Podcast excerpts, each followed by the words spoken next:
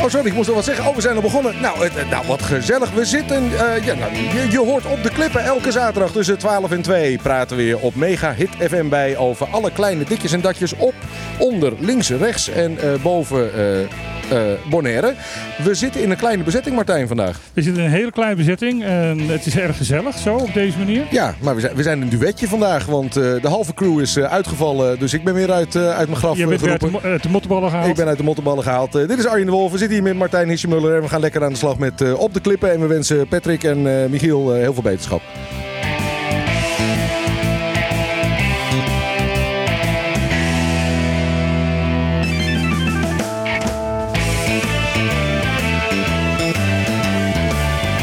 We hebben nog heel veel tijd hoor. Oh, oh, oh sorry. Ja, ja jongen, ik, ben, ik ben wat roestig, roestig geworden. Ik dacht, je knalt er nu.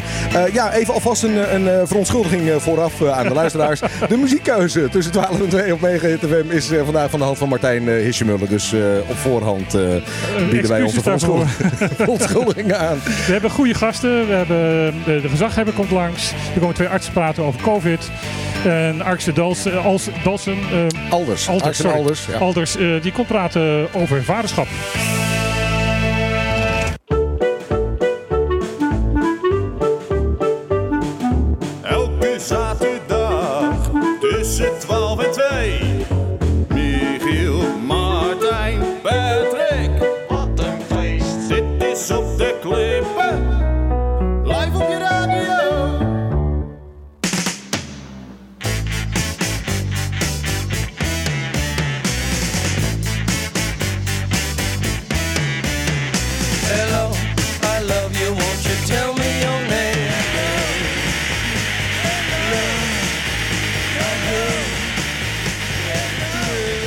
dit waren de Doors met Hello, I Love You.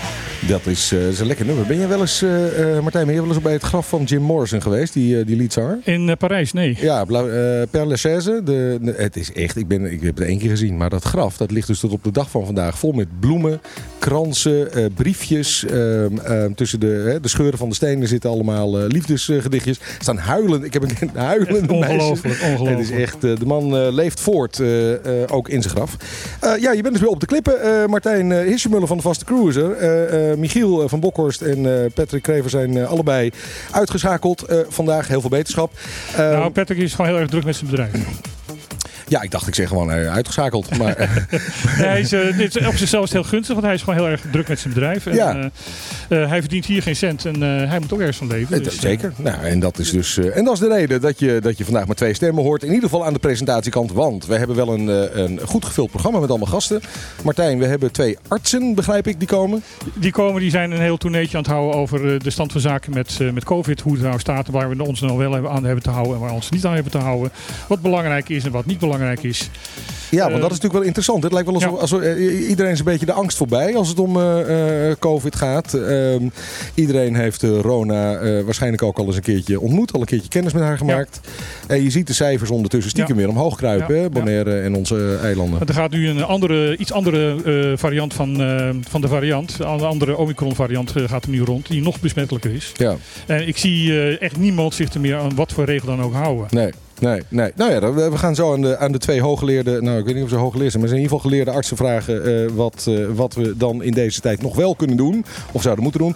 Dan hebben we daarna uh, het wekelijks, of het maandelijks gesprek moet ik zeggen, met zijn excellentie gezaghebber Reina. Ja, dat had eigenlijk vorige week plaats moeten vinden, maar hij had een heel druk programma en ik kreeg een dag van tevoren, maar dat was ook de afspraak met hem, te horen van sorry, we moeten het verschuiven naar volgende week. Ja, en, ja, ja. ja, dat kan gewoon gebeuren. Ik bedoel, de man ja. heeft meer te doen alleen maar hier op, op op een stoeltje te gaan zitten en uh, met ons te gaan praten. Zeker. Uh, gezaghebber is dokter Druk natuurlijk. Het wordt een, wordt een behoorlijke artsen, artsenij wordt het vanmiddag. dokter Druk, onze gezaghebber, maar hij komt straks wel. En we hebben ook nog vandaag Arksen Alders en die wil het hebben over natuurlijk best een maatschappelijk interessant vraagstuk. Ja, over het ouderschapsverlof voor, voor, voor vaders. Ja. Ehm, hij wordt binnenkort vader en heeft dus, is dus hier tegenaan gelopen van dat je eigenlijk, voor vrouwen is het op op Bonaire geregeld. Die kunnen een behoorlijke lange uh, termijn krijgen. Maar voor vaders is het eigenlijk gewoon wettelijk twee dagen. En dan moet, uh, moet, je, moet je weer aan het werk. Want je, moet, uh, je bent kostwinner. Dus eh, dat je met je kind omgaat, dat, is, eh, ja, dat, dat doen we nog niet. Eh, dat, dus ehm, Ik, ik, ik, ik- ben zelf geen vader, tenminste, niet voor zover ik weet. Ik ben ik geen vader, maar ik, ik weet eigenlijk niet hoe het hier wettelijk... is er een wettelijk recht op ouderschapsverlof? Volgens hier mij niet. hè? Hier niet. Hier Nee. is, tenminste voor de vrouw is dat wel wettelijk Wel geregeld. wettelijk, maar niet voor de vaders Maar voor dus. de vaders is dat gewoon de, de wettelijke twee dagen. Ja, En in Nederland is het, is het heel veel meer dagen. En kan je dus ook nog zes weken onbetaald verlof opnemen. ja, ja. En dat eh, moet eh, de, de werkgever moet dat doen. Nou, dan gaan we zo van Artsen Alders horen. Eh, vanaf een uurtje of één verwachten we hem om, laten we zeggen, zijn pitch te horen. Over de vraag waarom we vaders gelijk zouden moeten behandelen met, met moeders. Een interessant vraagstuk. Ondertussen is volgens mij, eh, ehm, ehm, ehm, ik zie al een arts binnenlopen volgens mij. Volgens mij zie ik dokter Mercure binnenlopen als ik me niet vergis. Nee, oh, dat is niet dokter Mercure. Nou, dan gaan we gewoon rustig door. We zitten natuurlijk live bij Trocadero. Moeten we af en toe even... zullen we even een plaatje draaien daarna? Eh, Zeker. Ja? Ja, lijkt me leuk. Ik ga een heel oudje van... eh, Goh, wat een verrassing, Martijn. Ja. Jongens, ja, eh, echt sorry, nogmaals, excuses. Eh, de heer Hissemuller gaat over de muziek. zegt jou de naam Kroeven Sportivo nog iets? Jazeker. En eh, dat, eh, dat, zijn, dat roept bij mij hele rare herinneringen op aan eh, mijn puberteit in Amsterdam om de een of andere reden. Nou, Jaren hier, hier, 80. hier komt hij. Ja. ja. Schuif open.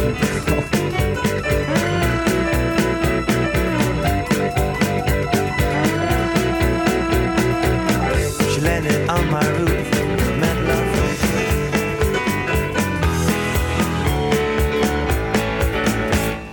That's right, that's right, that's right. Edison is ko- ja, kwart voor... En dat was That's Oh. Right, That's Right, That's Hallo. Right, Beep Beep Love. Maar we gaan nog eventjes door. Ja, ja, u, was bij, u, u was bij op de klippen. Wij waren ontzettend eh, eh, ehm, eh, druk bezig om onze gasten te verwelkomen. Wat is dit? Wat is dit voor een een Grupo Sportivo? Dat is voor mij echt 1983. Ja, ja, Koninginnedag op de Beethovenstraat. Wat een ellende. Ik dacht dat Michiel slechte muziek draaide, maar jij bent, jij bent erger. Nou, ik heb iets met uh, Groepen Sportivo, omdat ze toen ze nog niet beroemd waren, bij ons op school optraden. Ja, ja, ja. ja. Nou, oh, ja? En, en jij was ook verliefd op de liedzangeres natuurlijk. Eh, Wat denk, wat, ze hadden er twee. Hoe, oh, hoe heette ze ook? Ik ben, dat ben ik even kwijt. Dat weet ik ook, eh, dat weet ik ook niet meer. Ik kan me dat springende mannetje herinneren. Met die, met die, wat had hij, een basgitaar of zo? Maar die stond altijd zo'n beetje te springen. Beetje Ja, hal- een ja, beetje. Die, die. Ehm, je bent bij Op de Klippen. Elke zaterdag tussen 12 en 2 praten we hier live bij vanuit Trocadero aan de Malecon. Over alles wat er op, onder, eh, links en rechts van Bonaire gebeurt. En op dit moment, of tijdens Gruppo Sportivo, zijn aangeschoven twee geneeskundigen. Eh eh dokter Mercure en eh dokter Zwengelen. Welkom. Goedemiddag. Je moet wel dat schuifje, want anders dan werkt het niet. Hè? Dus, Ja, normaal gesproken zit ik aan uw kant. Eh, en nou, nou moet ik, omdat uh, inval, moet ik aan de techniek zitten. Dus het, uh... Ja, nee, dat wordt multitasken altijd lastig. Uh, zullen we eens met die vragen beginnen? Uh, heren doktoren, waarom is het zo lastig voor mannen om te multitasken? En lijkt het voor vrouwen gemakkelijker? Is daar een fysiologische reden voor?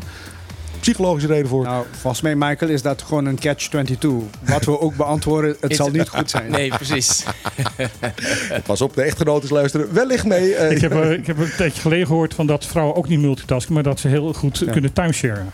Nou ja, in ieder geval heel van... snel tussen de ene taak en de andere ja. kunnen switchen. Dat ze dat beter, beter kunnen. Ik ben in ieder geval, ik kan één taak en dat ga ik, uh, doe, doe, ik dan in mijn eentje en dat concentreer ik me op en dan valt alles ook voor de rest weg. Dus... Nou, we gaan zien of dat wel lukt. Maar ja, nou, ja, nu moet ik inderdaad gaan multitasken. Nu ga ik me op de, op de ene taak richten dat ik moet multi, multitasken.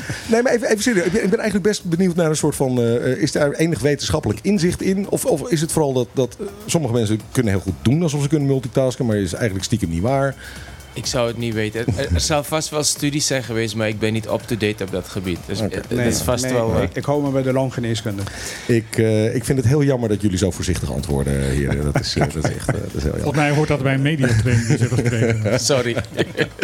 We gingen het vandaag hebben over COVID, uiteraard. Um, we zijn natuurlijk nu in een periode dat we stiekem zien op een aantal plekken in de wereld wel weer, maar ook op onze eigen eilanden, dat de getallen aan, toch weer stiekem aan het toenemen zijn. Ja. in China, Shanghai zelfs uh, is er weer een complete lockdown. Maar aan de andere kant zie je dat de bevolking, uh, wij eigenlijk allemaal, eigenlijk met, ja, misschien mag ik het zo zeggen, een beetje onze angst aan het kwijtraken zijn voor dat virus. En ik neem aan dat jullie daar als artsen niet uh, ontzettend blij mee zijn. Dus ik was eigenlijk benieuwd, um, meneer Zwengelen, misschien even mee beginnen. Wat, wat, wat is op dit moment de status en wat moeten wij allemaal doen? om weer een lockdown te voorkomen. Of uh, dokter ja. De ja. status is uh, min of meer hetzelfde als de week daarvoor. En de weken daarvoor ging het uh, omhoog. Dus het schijnt, de, de, de stijging is tussen de vorige week en deze week stabiel. Mm -hmm. En vanaf de uh, afkondiging of afkondiging dat alle maatregelen min of meer eh, afgeschaft zijn, eh, is het gestegen tot eh, vorige week. En tussen vorige week en deze week is het niet veel anders gestegen. Dus het schijnt, eh, de stijging schijnt af te nemen. Maar eh, de hoeveelheid stijging is, is, is afgezwakt of het aantal besmettingen is afgezwakt? Het aantal besmettingen van de vorige week en Mhm. het aantal besmettingen van deze week zijn ongeveer hetzelfde. Oké, dus er, er komt geen stijging meer, maar... Correct. het ja. het We zitten op een hoger niveau. we zitten weer op een hoger plafond. Ja, klopt. Ja. Ik denk dat toen, toen de maatregelen werden aangekondigd werden, de meeste maatregelen werden afgeschaft, zaten we misschien op eh, iets van 20 of zo, 20, 30 zou ik maar zeggen. En we zitten nu op eh, 200 per week. 200 per week nieuwe besmettingen? Of zijn Ja, dat... nee, nee. Eh 200 ehm, Positieve gevallen. Po- ja, positieve gevallen. Actieve Ja. gevallen. actieve gevallen. Ja, cohort dat gewoon ongeveer hetzelfde blijft. Ja, Het precies. getal blijft steeds hetzelfde. ja, ja. Ehm, kunnen we spreken van eh, een, een, een nieuwe variant? Is er iets na Omicron dat inmiddels eh, bij ons de ronde doet? Nou, dat houdt de, de, zeg maar, de wetenschappers dan goed in de gaten. En er komt wel vaker eh, verschillende varianten. Maar zolang ze zeg maar, niet interessant zijn eh, in die zin dat we verwachten dat ze geen schade zullen eh, toedienen, dan komen ze niet eens ter sprake. Ja. Eh, Dus we zijn al wat verder in het Griekse alfabet dan we, Nee, nee, dan we oh, misschien eigenlijk weten. Vast wel. En, eh, de vraag is, wil je dat weten? Ja. Ehm, en Omicron gelukkig, eh, aan de ene kant by the way, wel een superspreader. Het is een, een airborne eh, variant. Dus het verspreidt zich echt gigantisch snel. Eh, aan de andere kant, het gedraagt zich wel meer als een eh, common cold. Dus gewoon een ja, bovenste luchtweginfectie. En gelukkig leidt het bijna niet tot de forse longontsteking zoals de Delta variant. Even, even eh, t- kort onder, een boven, bovenluchtwegontsteking is anders dan eerdere varianten? Ehm, nou, het begint altijd eigenlijk via de bovenste luchtwegen. En daarna daalt het bijna letterlijk. En dan krijg je het ook in je longen. En Dus al- alles wat boven je longen zit is boven. En Ja. alles wat onder je, daar, daar, in je longen zijn, zijn, is ja, daaronder. de, de longen zijn de onderste luchtwegen. Ja, ja. Om het even zo banaal even te verdelen. Ja. Ja, ja. En die zijn dus slecht te, te bereiken normaal gesproken. Nou, nou, ze zijn makkelijk te bereiken. Alleen een bepaalde virussen kunnen zich niet makkelijk hechten in de long. Dan krijgen ze geen kans. En andere virussen kunnen dat bij uitstek heel goed. En is dat het verschil tussen Delta en, en Omicron nu? Op dit moment is dat het meest klinisch. Dus wat betreft de, de uitingen die wij zien eh, qua ziekte en, en de, ja, de hele weinig opnames die we hebben, eh, is dat eigenlijk het grote verschil. En dat is heel positief dus. Dat is eh, zeker, gelukkig wel. Maar nogmaals, de, de, de coronavirus heeft wel aangetoond eh, een virus te zijn die zich extreem snel kan eh, muteren. Dus het verandert genetisch Mhm. materiaal om de haverklap. En als het nu veranderd is in een minder, ja, even eh, dodelijke variant, geweldig. En dat meer, is een goed griep- nieuws. meer het griepje waar de, de, de, de wappies constant van roepen dat Juist. het zou zijn. Maar vergeet niet, het kan straks weer veranderen. Want de coronavirus bestaat niet sinds nu. Het bestaat al decennia lang. Dus en drie- daarvoor was het ook al een common cold. En er zijn al twee uitbraken hiervoor geweest. Geen pandemie, maar wel de SARS-1 en de MERS. Ja. En da- dat is dan inderdaad wel even denk ik een interessante vraag. Want, want misschien hebben we allemaal collectief nu de gedachte van nou... Het is voorbij. Het is voorbij. Het wordt allemaal een soort van lichte griep, eh, eh, bij wijze van spreken. Maar is er dus een kans, eh dokter McCure, dat, dat we misschien weer naar een, toch een variant gaan die veel ernstigere gezondheidsgevolgen heeft? Ja, theoretisch wel. Ja. Ja. Zoals eh, eh, dokter Zwengelen al zei, er zijn al twee varianten geweest die eh, minder aardig waren. Dat is de MERS en, en de SARS-1. En dan, deze heet SARS-2 omdat die er veel op lijkt. En in dat opzicht is het altijd wel mogelijk, ja. Dus, Ja. dus eh, eigenlijk, het is wel grappig als je, eh, als je naar Azië op reis gaat in eh, 2017... dan zie je heel veel mensen met mondmaskers rondlopen. Ja. Ja. En ik denk niet dat het alleen luchtvervuiling is. Nee. Dus ik denk, ik denk dat we dus in onze, in onze mind moeten gaan denken van... eh, ja, eh, je, moet, eh, je moet altijd een beetje paraat zijn. Altijd een beetje oppassen. Maar het, het- in het slechtste geval kan er dus inderdaad weer ergens in de wereld een, een, variant komen die net zo schadelijk is als Delta of nog gevaarlijker. En dat de, dan dus het hele circus weer opnieuw begint. Dat zou kunnen, ja. En dat is dan de vraag van... eh, eh, want aan de ene kant... ehm, ja, kan je zo ook zo blijven leven? Nee, ik denk het niet. Want eh, je, je socio-economische ontwikkeling eh, eh, vasthouden... dat leidt tot gigantische armoede. Nou, dat maakt meer kapot dan alleen de virus. Dus we moeten denk ik ergens naar een balans toe... waarbij we dan dit wel onder controle kunnen houden... en toch ruimte bieden aan de verdere socio-economische leven en ontwikkeling. Mhm. Want an- anders is dat niet, niet sustainable. Met welke scenario's wordt op dit moment eh, hier op Bonaire rekening gehouden vanuit publiek eh, gezondheidszorgperspectief? Ehm, de, we zijn, we zijn eh, bezig samen met, met, met Nederland om eh, wat je noemt pandemische paraatheid op te zetten. Dus er zijn, er zijn een paar sporen. Spoor nummer 1, wat ons uit deze misère heeft gehaald, is vaccinatie. Dat is spoor nummer 1. Zonder die vaccinatie zou het er niet zo goed voor staan als nu en zouden er meer slachtoffers zijn. Kunt u dat nog even twee keer herhalen? Vaccineren iedereen, alstublieft. Alsjeblieft, ja, vaccineren iedereen. Ja. Ehm, dat is waarschijnlijk waar we in de toekomst naartoe gaan. Want wat je hebt gezien bij, eh, bij deze variant, of, of bij deze eh, COVID-virus, is dat de wetenschap eh, heel snel een vaccin in elkaar heeft gegooid. En dat is echt, echt um, En eh, heel snel heeft gedistribueerd en heel snel het onder controle heeft gebracht. Dat, dat geeft hoop voor de toekomst, voor als we in geval we een, een nieuwe case krijgen. Maar dat is juist waar de, de, de mensen die tegen die vaccinatie zijn, eh, zo tegen ageren. Van ja, dit is een klungelwerk. Dit is gewoon eh, knutselwerk van een paar amateurs die gewoon iets in elkaar gesleuteld hebben. En wij zijn de proefkonijnen. Ja, wat moet ik daarop zeggen? Ik, ik heb daar geen zinnig antwoord op. Ja, je, kan- je kan ook niet overal op reageren. Nee. En is, is het ook niet een beetje zo, als we het dan toch eh, over, eh, over eh, allerlei theorieën hebben, is het ook niet een beetje zo dat, dat, dat die techniek daaronder, mRNA, dat die eigenlijk gewoon al veel langer bestond, geprobeerd werd? Ja, maar niet, niet op zulke grote schaal Nee, is toegepast. En kijk, normaal gesproken duurt het een paar jaar voordat je een product op de markt hebt. En dan heb je nog, kan het altijd nog misgaan. Dus ja, strikt theoretisch gesproken is het een vrij nieuw product. En bij Ja. elk vrij nieuw product zijn er risico's. Klopt. Maar dan heb je aan de andere kant, als je niet gevaccineerd bent, wat is dan het risico? Ja. En dan moet je afwegen van, ehm, ja. En aan de ene kant zijn er verschillende wetenschappers van, van alle hoeken en gaten die het ondersteunen. Dus de, de credibility is er. Ja. Het is niet één persoon die iets bedenkt en dan. eh, Ja. Dan zou je, dat is spoor 1. Hè? Dit dus, is spoor dus. Dus de variant waarin we gewoon met enige regelmaat zullen moeten blijven eh, eh, inoculeren, eh, vaccineren. Spoor 2 ja. is ehm, de bewustzijn. Waar de, toen de overheid de maatregelen heeft afgeschaald, heeft het eh, publieke gezondheid de opdracht gegeven om, om ons te concentreren op bewustzijncreatie. Dus dat betekent dat we bijvoorbeeld in dit geval naar de scholen gaan, kinderen erop wijzen hoe je kan testen. Eh, dat je twee keer per week moet testen. Dat als je naar eh, je, je, je grootouders gaat, het misschien goed is om daarvoor even te testen. Dat je goed je handen moet wassen. Dat helpt niet alleen voor corona, maar voor alle infecties. Dus wat je, wat je zou zeggen, een, een, een bewustzijnsproces. Want als je kijkt naar andere, andere landen, bijvoorbeeld als, sommige Aziatische landen, zie als mensen verkouden zijn, doen ze altijd al een masker voor hun hoofd. ja, ja. Dat, dat de- deden we in het Westen niet. Ja. Maar er zit waarschijnlijk een historie achter dat zij dat in het verleden ook epidemieën hebben gehad. Dus Nou, MERS en SARS, eh, u noemde het zelf al, hebben daar natuurlijk ook Sa- vooral ja, toegeslagen. Hongkong, ja. Singapore. precies. Ja. Dus eh, het bewustzijn creëren onder de bevolking van luister, we got away with this one, so to speak. Ja, er zijn mensen overleden, maar het, het, het was niet zo'n groot drama zoals het wat leek toen het, toen het hier aankwam, Ja. dankzij vaccinatie. Ja. Maar dat je dus altijd eh, bewust blijft van het kan weer gebeuren. Nou, u zei al, eh, Bamba Kuna, dat, dat moeten we gewoon een beetje in ons hoofd Ja. gaan krijgen. En Bambi Bakune. Ja. Ja. precies. Dus blijf er ook mee leven en blijf je vaccineren. Ehm, nou zagen we inderdaad in de communicatie al langskomen van dat, dat die derde, ik ben even de tel kwijt, maar dat zeg maar de tweede booster. Eh, dat die inmiddels wordt geïmplementeerd. Ehm, even voor de luisteraar die eh, vanmiddag nog zijn eh, derde wil halen. Ja. Zoals Tweede, ik. tweede booster. Tweede booster. Tweede booster, sorry. Ja. Ik, ik, ik Is ga die al voor iedereen beschikbaar? halen. Ja, ja, ja. Die tweede booster is eh, door, de, door de minister eh, afgekondigd op 28 eh, februari. Mhm.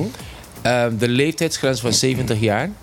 En eh, we hebben... eh, eh, Nou, ik, ik, ik, ik heb net, ik, een van mijn nieuwtjes die ik vandaag wilde vertellen is dat er dus vandaag vanaf, de, vanaf 60 eh, ja, vanaf vrijdag. Vanaf... van vandaag. Nee, het is eigenlijk eh, vanaf eh, de Ga je, nu, afgelopen ga, je, vrijdag. ga je nu publieke gezondheidszorg zitten? Nee, nee, nee, serieus. Van, nou, nou, Nee, Oké, oké, maar goed, ik, ik lees Ja. alleen maar voor wat, eh, wat, wat ja, ik, dat klopt, dat klopt. We hebben het eh, in on the air gegooid eh, vandaag. Ja, Ah. We hebben het al toegepast de zaterdag hiervoor, maar we kregen het nieuws de vrijdag daarvoor. oké. Dus de vrijdag 25e kregen we het nieuws Mhm. dat het eh, nu 60 jaar is. Ja. Dat hebben we meteen geïmplementeerd op die zaterdag. Maar we hadden geen tijd om, om, om, om, om naar de pers te gaan. In in de ja. afgelopen week. Dan is het misverstand daar. Ik, Nou, ik, ga, nou, ik ga hem zo halen. even, even- ja, precies. Nee, maar even voor de helderheid. Dus, dus even voor de luisteraar. Ehm, je kunt die tweede booster eh, nu al gaan halen vanaf 60 dus, als Ja, ik goed begrijp. klopt. 60 en hoger. Is dat op afspraak? Is dat inloop? Hoe werkt het? Inloop. Inloop. Inloop. We hebben het risico genomen. eh, kijk, als je afspraak moet gaan maken, dan werp je een drempel op. Ja. Ja. En we hebben in het verleden vaak klachten gehad. Ja, ik kan ze niet bereiken, bla bla bla. Dus we hebben gezegd, weet je wat, we nemen het risico, we gooien de deur open. Ja. We, kunnen, we lopen het risico dat, dat we niet voldoende service kunnen lenen. Maar in elk geval, het is er. ja. En dat is gewoon elke dag in Centro Deportivo? Nee, nee sorry, elke zaterdag. Elke zaterdag. Tussen 9 en 2. En Tussen eh, vandaag was het eh, aardig druk. V- vandaag, vandaag zijn er dus meer mensen die het weten. Dan kan ik Ja. dus vandaag dus niet, want we- wij zenden uit tot twee uur. Dus, eh, Ja. Dan kunnen we misschien Ja. wat regelen voor jou. Nou. Ik ben 52, mag ik hem ook al? Want ik heb complicaties. nou, ziet er stu- je ziet er een ja, stuk als je, uit. Als je, als, je, als je Down-syndroom hebt, dan mag het. Als je in een verpleegtehuis woont, mag het ook. En als je een ernstige immu- eh, immuniteitsstoornis eh, hebt, ook. Maar ik, als zo kijkende naar jou, denk ik dat je niet qualified. Nou, eh, het probleem is vooral psychologisch, geef ik toe. Maar het is, eh, ja. Eh, wat zijn de andere dingen die, eh dokter Zwengelen, eh, als, als we nu kijken naar, eh, eh, laten we zeggen, de vergelijking ook tussen hoe we het op de eilanden hebben gedaan en eh, de rest van de wereld. Zijn er al medische conclusies te trekken, terugkijkend ook op eh, de afgelopen paar jaar? Van welke aanpak heeft nou het beste gewerkt? En dan niet alleen medisch, want u zei zelf ook al, er zijn natuurlijk ook allerlei eh, sociaal-psychologische, sociaal-economische gevolgen. Ja. Nou, nou, ik moet wel zeggen, en dat heeft ook te maken met de ontwikkeling van, eh, van die vaccin.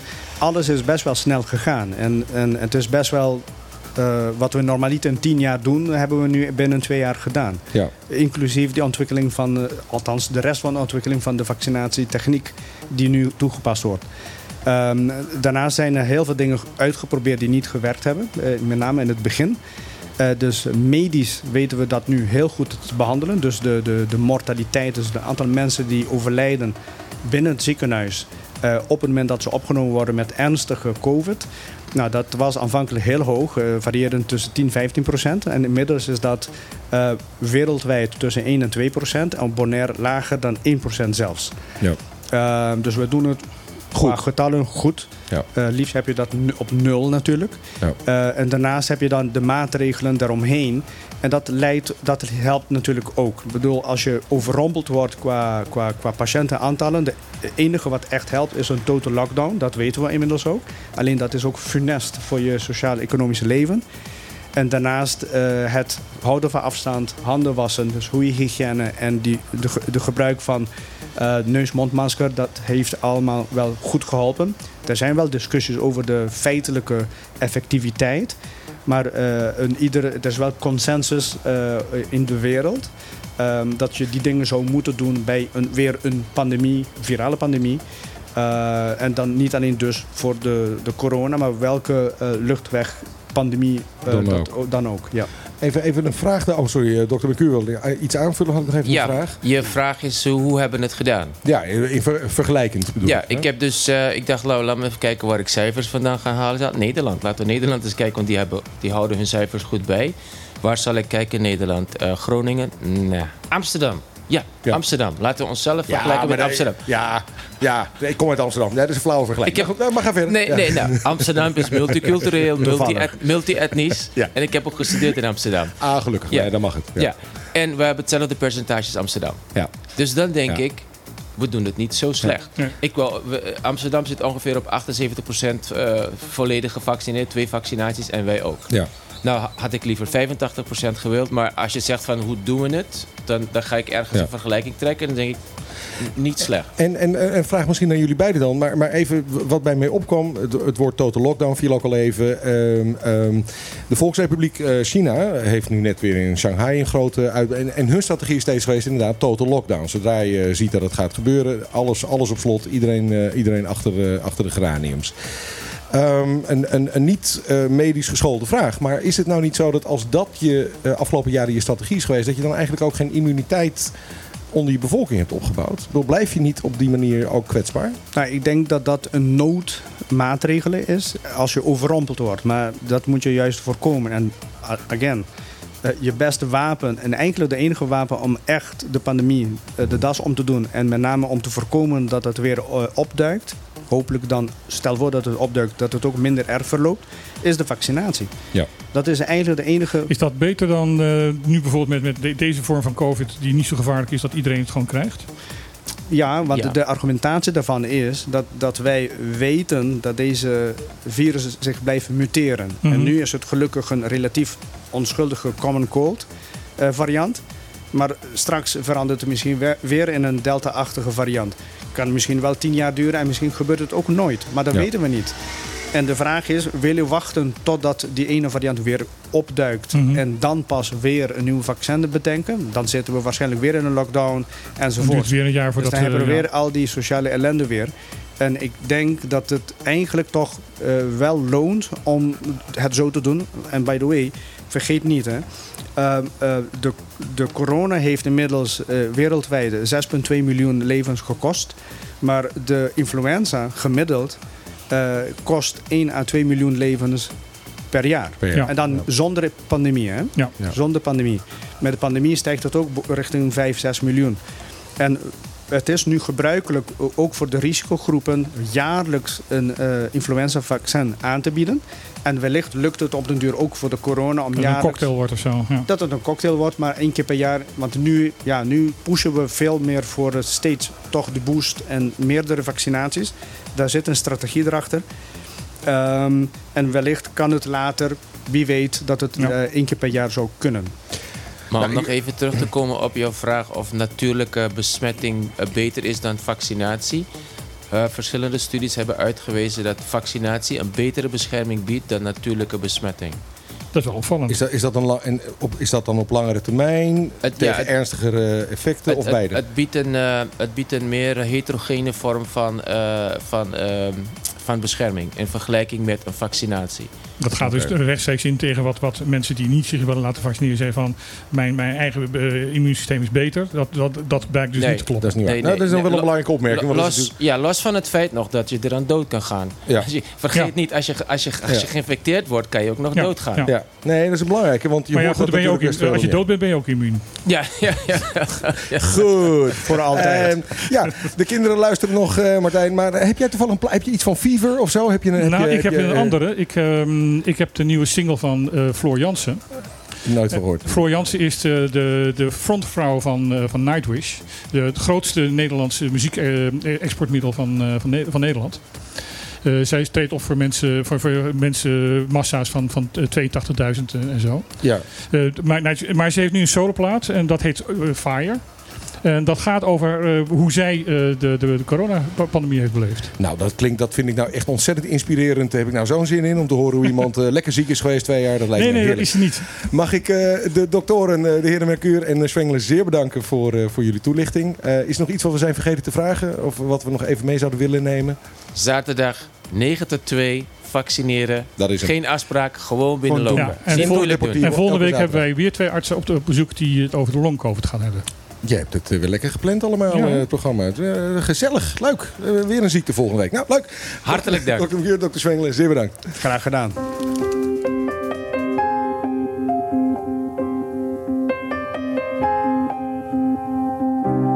Muted are the days we lost our will, frozen in a whirlwind that stands still.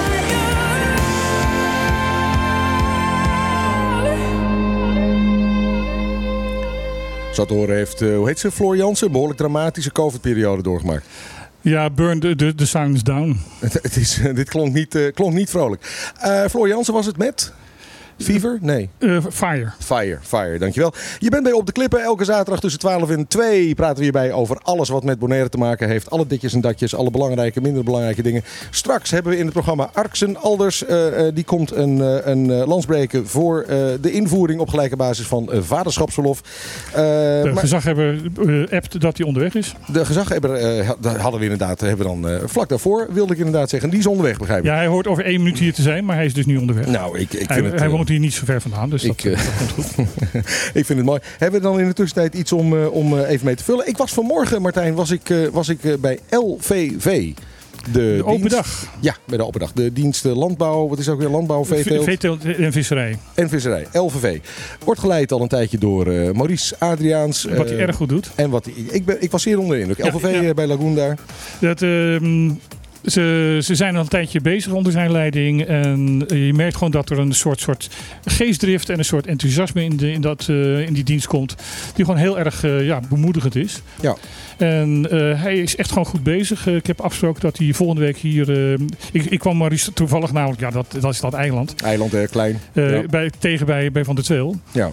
En ik heb afgesproken dat hij volgende week hier, hier wat, wat over LVV komt vertellen. Ja, nou wat ik mooi vind om te zien is hoe ze inzetten op zeg maar verduurzaming van die landbouw enerzijds. En aan de andere kant ook op intensivering. Dus dat meer Ja, mensen en zelf gaan planten. Ja, precies. Dat zelf planten. Ja. Zelf ervoor zorgen dat je je eigen voedsel weet te verbouwen. Dat, dat, dat, dat vind ik wel mooi om te zien. Zijn, eh, op, meerdere eh, gebieden zijn ze bezig. Want het is niet echt alleen eh, landbouw, maar het is ook echt veeteelt. Want er is een heel programma op dit moment bezig om de, de geitenhouderij te professionaliseren. Dus ze zijn nu bezig met, met, grassoorten te, te, in te zaaien. waar hooi van gemaakt kan worden. Zodat inderdaad het hele plan van dat geiten wat meer achter hekken komen. ook daadwerkelijk kan, omdat er ook voer is. Ze hebben nu ook op de, de open dag laten ze een machine zien die van die hooi, van, van het gras ook balen hooi kan maken. Nou, kijk eens aan. Dus- ik, eh, ik, heb, ik heb de hydroponics installatie gezien. Weet je wat hydroponics ja, zijn? dat weet ik. Dat is eh, wat, eh, wat dat groentebedrijf hier op, op, Bonaire doet. Ja, het is een soort stellage waar je zonder, zonder aarde, potgrond Alleen maar water. heel weinig water ja. je groenten kunt verbouwen. En dat heel erg snel gaat. En het, het schijnt heel erg snel. Het zag er mooi uit. Nee, LVV, dus dat, dat, dat was de open dag vandaag. En de volgende week Maurice Adriaans in het programma. Ja, dus, dus als je eerst luistert naar dit programma tot twee uur en daarna nog eventjes naar LVV gaan. Oh ja, want nee, het houdt om twee uur op geloof. Maar goed, het zou, kijk, je kunt ook in de auto luisteren naar, eh, naar dit programma natuurlijk. Ja, of je, je draait een radiootje bij LVV luisteren. En dat, ja, eh, nee, dat kan ook. Nee, Dus het kan nog, je kunt nog tot twee uur naar de open dag van eh, LVV. Maar LVV heeft sowieso, je kunt daar gewoon ook door de week heen. je kunt daar planten kopen, groenten kopen. Ze kweken daar ook. Er worden kleine volkstuintjes aangelegd voor mensen. Het, is, het leeft en het bloeit.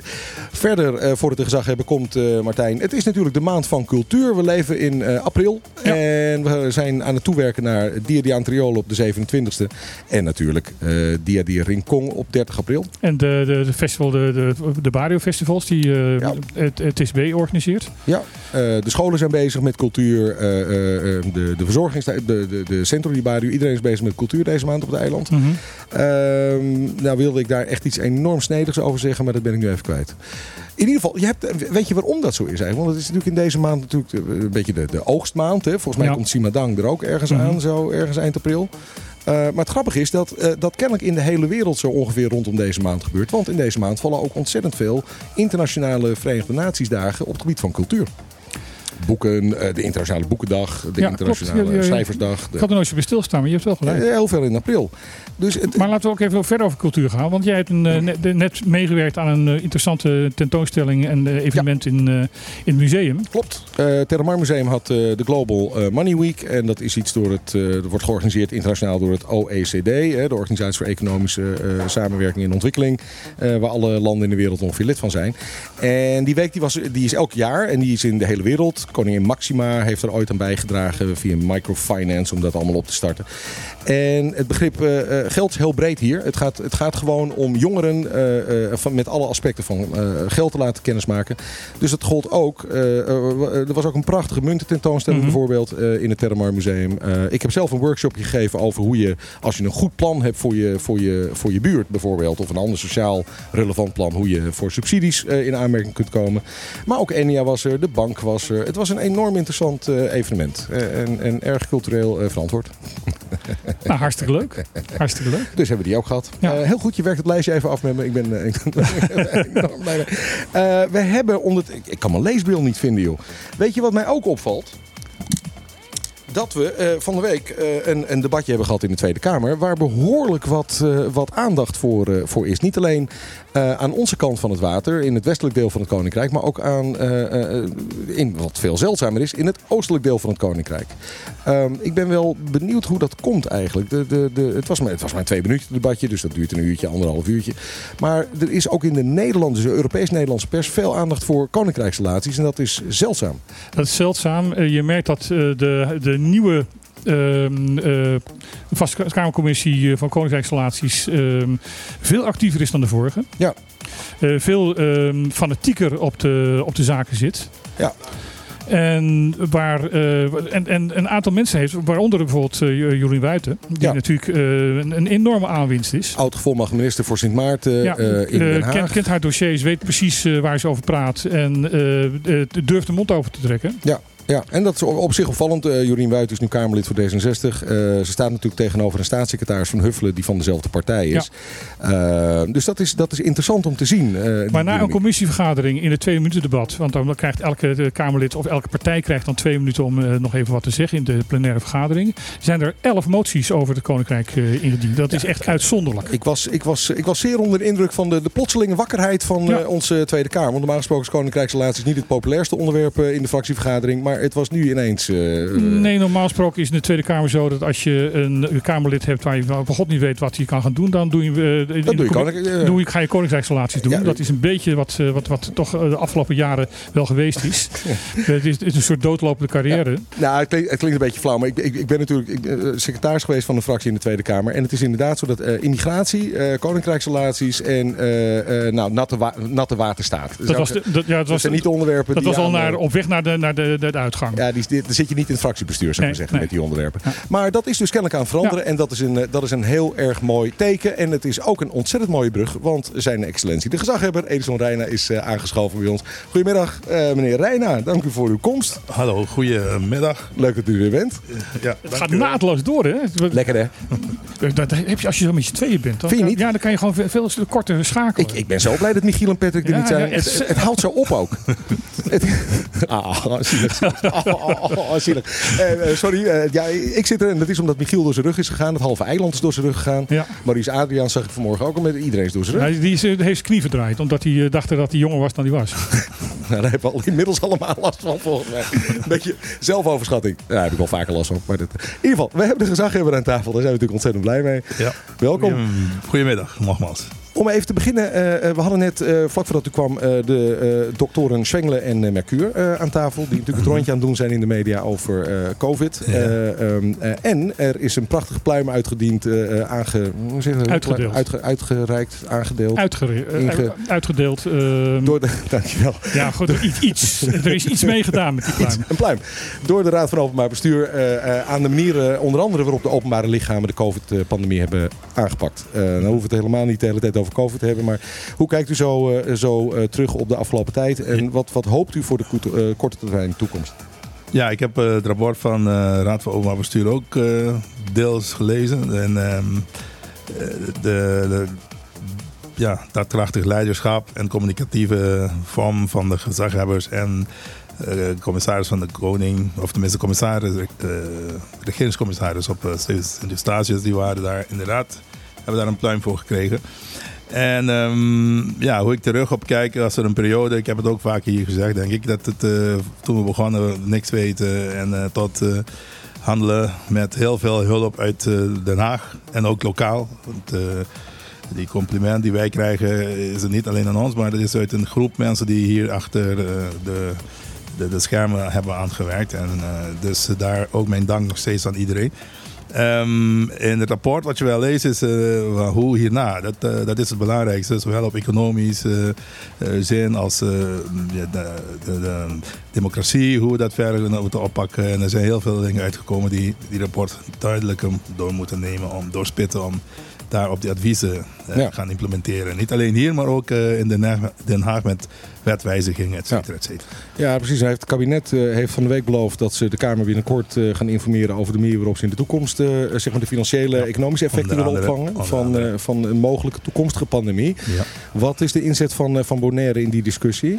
Ehm, We hebben daar, natuurlijk een heel andere economie dan een groot deel van eh, Europees ja, Nederland. daar, daar weet ik op dit moment eh, niet. Wellicht is iets dat de diputado daarmee bezig is. Maar ehm, waar, waar ik eh, meest, wat mij opviel in het rapport bijvoorbeeld, is dat de deficit, de democratisch deficit die we hebben ten opzichte van, of tenminste de verschillen die er zijn met Den Haag en Bonaire.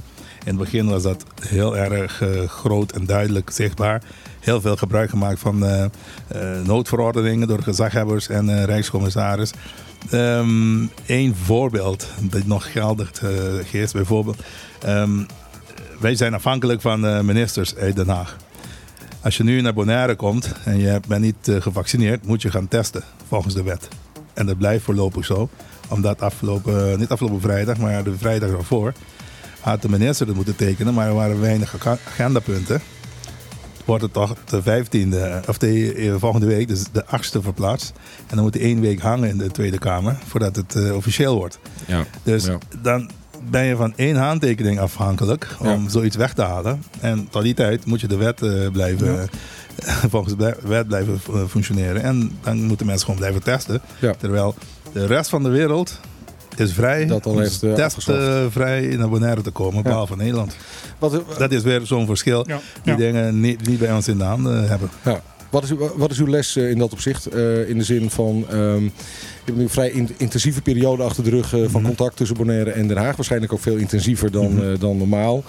Wat, wat, wat, wat is nou uw eigen les als het gaat om, eh, nou zo kunnen we de contacten met Den Haag duurzaam wat effectiever doen dan, eh, dan voorheen? Eh, jawel, de, de, met name ministeries die heel veel te doen hebben, VWS bijvoorbeeld, daar, daar hebben we heel veel mee contacten mee gehad en heel veel mee gespaard. Dus daar zijn de lijnen korter geworden, kan, je, kan ik zeker zeggen. Maar ehm, wat ook in het rapport staat, dat echt die aanbevelingen, die moeten we echt gaan uitvoeren om die groot verschil tussen Den Haag en Bonaire, als ik voor Bonaire mag spreken dan, in- van de BES, dan eh, daar moeten we echt eh, aan gaan werken om eh, zoveel mogelijk lokaal te kunnen doen. Dus ook een beetje eigenwijzer zijn. Ja, nou dat zijn we altijd. Maar je wordt niet altijd geluisterd. Want eh, je weet ook, alle andere onderwerpen naast eh, pandemie, covid, die zijn we al jaren aan het schreeuwen en er gebeurt niet veel. Dan heb ik daar het plaatje bij. Oh ja, Ja, ik heb een bruggetje. nou, wat doe je dat goed weer. Ik ben, ik ben trots op je. Ik, ik weet niet wat je gaat spelen, maar... Je muziek is ook beter dan die van Michiel, moet ik zeggen.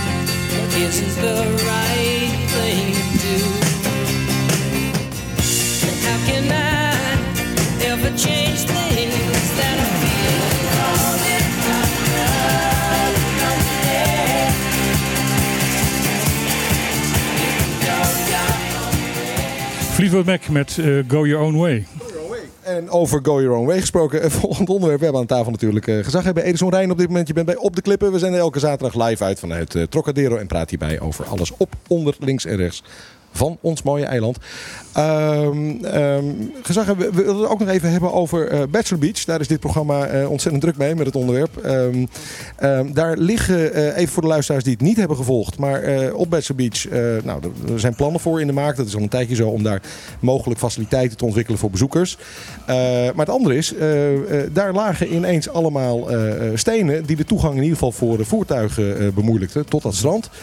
En nou zei het korps politie, eh, ja, dat, dat leek ons verstandig voor de verkeersveiligheid. En daar hebben we contact over gehad met de gezaghebber. Dus wij zijn ontzettend benieuwd. We hebben nu aan tafel. Hoe, hoe, hoe is dat nou gegaan? Ja, het is niet alleen met Bachelor's Beach. Wellicht jullie- weten jullie ook bij eh Teamo hebben we ook eh, een tijdje geleden daar ja, hoopjes zand en rotsen geplaatst langs de weg. Dat gaat puur om inderdaad de veiligheid. En eh, je moet het zo zien, eh, de situaties eh, in op, locaties zoals Teamo Beach en Bachelor's Beach. En zeker in de tijd van de pandemie bij eh, Teamo Beach waren heel veel eh, samengroeperingen van mensen die tot diep in de nacht feestend overlast en heel veel klachten kwamen binnen. En daar wordt dat in een bestuurlijke rapportage door de politie aan de gezaghebber eh, aangeboden. Van, om, ze, willen, ze komen met een op- oplossing en een advies. En als ik daar mee ga, dan eh, gebeurt er wat er gebeurt. Hetzelfde is eh, bij Bachelor's Beach gebe- gebeurd. Dat in samenwerking, er is een bestuurlijke rapporta- rapportage die opgesteld is door KPCN. En die wordt aangeboden aan de gezaghebber. En daar ben ik mee akkoord gegaan. Samen met RNO wordt dan het gebied zodanig eh, af, ja, stenen gelegd om te voorkomen dat mensen s'avonds daar overlast komen brengen. En eh, dat gebeurt eh, om de veiligheid van, een van ons allemaal te, te verbeteren. Het is Ja. dus niet zozeer verkeersveiligheid als sociale veiligheid. Allebei, allebei. Ehm, eh, je had zeker het geval bij ehm Teamo Beach. Als er heel veel groepen waren s'avonds en de politie kwam daar aan. Dan zie je dat eh, ineens begint iedereen weg te schieten de weg op. En eh, er was geen in- ingang en uitgang. En er waren in die tijd ook best wat ongelukken daar gebeurd. Dat daardoor ook eh, om het min of meer ordenend dat iedereen de in één ingang en uitgang te, te krijgen, om dat voor elkaar te krijgen. Ja. Misschien doelen jullie dan dat ze te dicht bij de, bij de gewone weg staan. Maar dat werd ook laatst in een presentatie van de politie, bij de politie naar voren gebracht. Dat is iets wat de KPCN, eh, verkeerspolitie en RNO die die dingen hebben neergezet, gewoon zelf onderling dit of ietsjes naar achter of ietsjes opzij kunnen schrijven. Maar eh, schrijven zodat het inderdaad voor de weggebruikers eh, geen onveilige situaties creëert. Nou, was het voor een behoorlijk aantal mensen was het eigenlijk een verrassing dat dat plaatsvond. Hoe, hoe, hoe kan dat? We hebben communicatieadviseurs. U spreekt over een bestuurlijke rapportage. Ik Ja. neem aan dat dat een regelmatig terugkerend eh, fenomeen is. Ja. Ha- ehm, hoe kan het iedereen zo verrast hebben? Ehm, dit keer, eh, toen ik ook inderdaad al die reacties begon te krijgen en ik vroeg aan de KPCN, en toen waren ze inderdaad ietsjes eh, vertraagd met hun publicatie. En dat, dat, dat was daarna ook duidelijk geworden. Dus het is puur een kwestie van afstemmen met hun afdeling communicatie, dat dit wat later is gegaan dan, eh, dan daarvoor. Oké, maar, maar, maar dat was inderdaad dat was het incident, Ja. zou, maar, zou maar zeggen, Bassel Beach. Maar u, u, u zegt eigenlijk ook van nou, we zijn eh, iets, iets breder bezig eh, en al een tijdje om op een aantal plekken waar we dan agglomeratie zien, Ja. drukte, overlast zien Mhm. ontstaan, verkeersveiligheid Mhm. willen waarborgen. Wat kunnen we als we dan over zeg maar dat mensen een beetje gewaarschuwd worden spreken, op welke plekken kunnen we dat nog meer gaan verwachten? Nou, goede vraag. Vannacht was het weer raak in de binnenstad.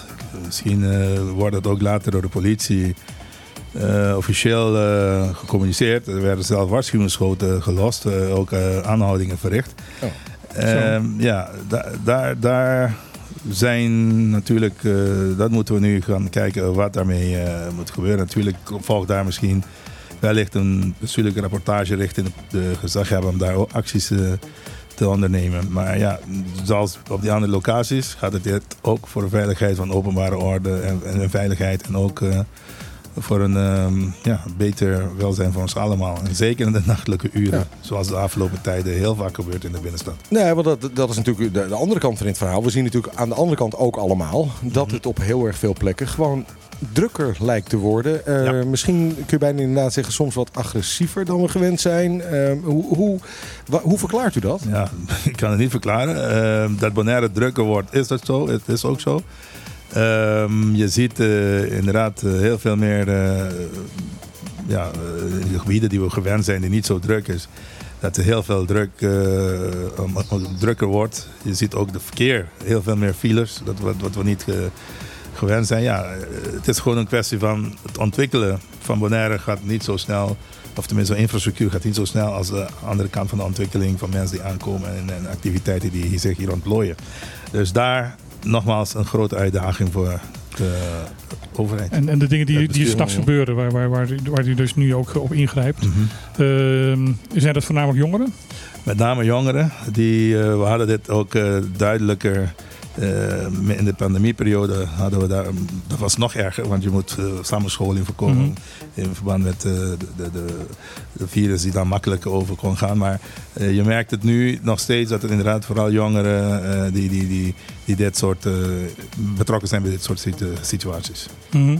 En zijn dat dan, om nog maar even door te gaan ook op mijn vorige vraag. de- heeft de politie een beeld van, zijn dat, zijn dat zou ik maar zeggen, nieuwe jongeren, eh, recente aankomsten op het eiland? Zijn het bekenden Dat van de politie? details eh, weet ik nu niet. Maar eh, kijk nogmaals met die rapportages, die bestuurlijke rapportages van de politie. Daarin staan wel het een en ander. Eh, wij hebben nogmaals in die andere ingrijpen die we hebben gehad, bijvoorbeeld Theamo Beach. Hadden wij heel veel te maken met bijvoorbeeld die stagiaires of eh, brekers die hier waren. En daar gingen we in eh, gesprek met organisaties die dit soort jongeren hier naartoe halen. Om hen uit te leggen hoe het hier gaat, et cetera, et cetera. Ja. Dat die illegale feesten die er toen ook waren, niet alleen op die locaties, maar je Largo heb ik ook een avond laten afzetten over gevaar, et cetera. Dus Ja.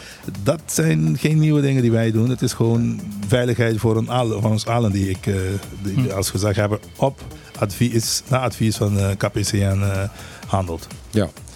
Ehm, ehm, we zagen van de week, even een ander onderwerp, maar we zagen van de week eh, eh, aanhangen eh, een, een hele rits vergunning aanvragen. Mhm. Eh, hartstikke goed natuurlijk. Mooi dat dat gepubliceerd wordt. En, alleen er stonden behoorlijk wat pieren tussen. En als je alleen maar, zeg maar de, de, hè, de aankondiging ziet... dan is natuurlijk niet meteen helder of dat al langer bestaande aanvragen zijn... of dat het misschien een uitbreiding is om werk aan een bestaande pier of niet. Ehm, maar negen nieuwe pieren en renovatie van drie pieren... als je de, het aanhangen goed eh, bekijkt. Hoe, hoe, hoe zit dat? Wa- Waarom zoveel tegelijk? Nou, ik, eh, ik weet niet waar je het over hebt, maar ik ga dat lijstje nu snel bekijken. Want waar ik woon is er ook een pier die, die gerepareerd moet worden. Dus, dus ik hoop dat die daar ook tussen hangt. Nee, er, er, er vielen twee dingen op. Er van inderdaad enorm veel eh, nieuwe eh, aanvragen voor nieuwe pieren. Ja. Ehm, plus dat eh, alleen direct belanghebbenden daar bezwaar tegen kunnen inbrengen. En ik denk bij mezelf van ja, misschien een beetje, een beetje, een beetje een zijstap, maar eh, pieren zijn schadelijk voor, voor het koraal.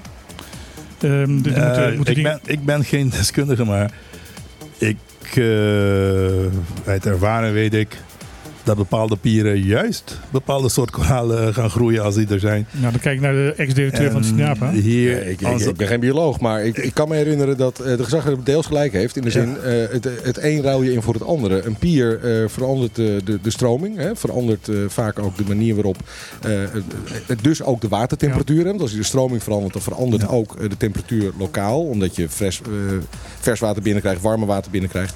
Koraal is heel temperatuurgevoelig. En koraal is heel erg eh, eh, zeestand, hoe noem je dat? Uh, waterpeilgevoelig. dus die, Ja. die twee dingen, het, het oefent invloed uit. Het is alleen niet er, zo er, valt, er, dat valt het per se... minder, er valt minder zon op. En, en, en, en Dat, is, dat, is als je, dat is als je een, een, een, een dek Ja. eroverheen bouwt.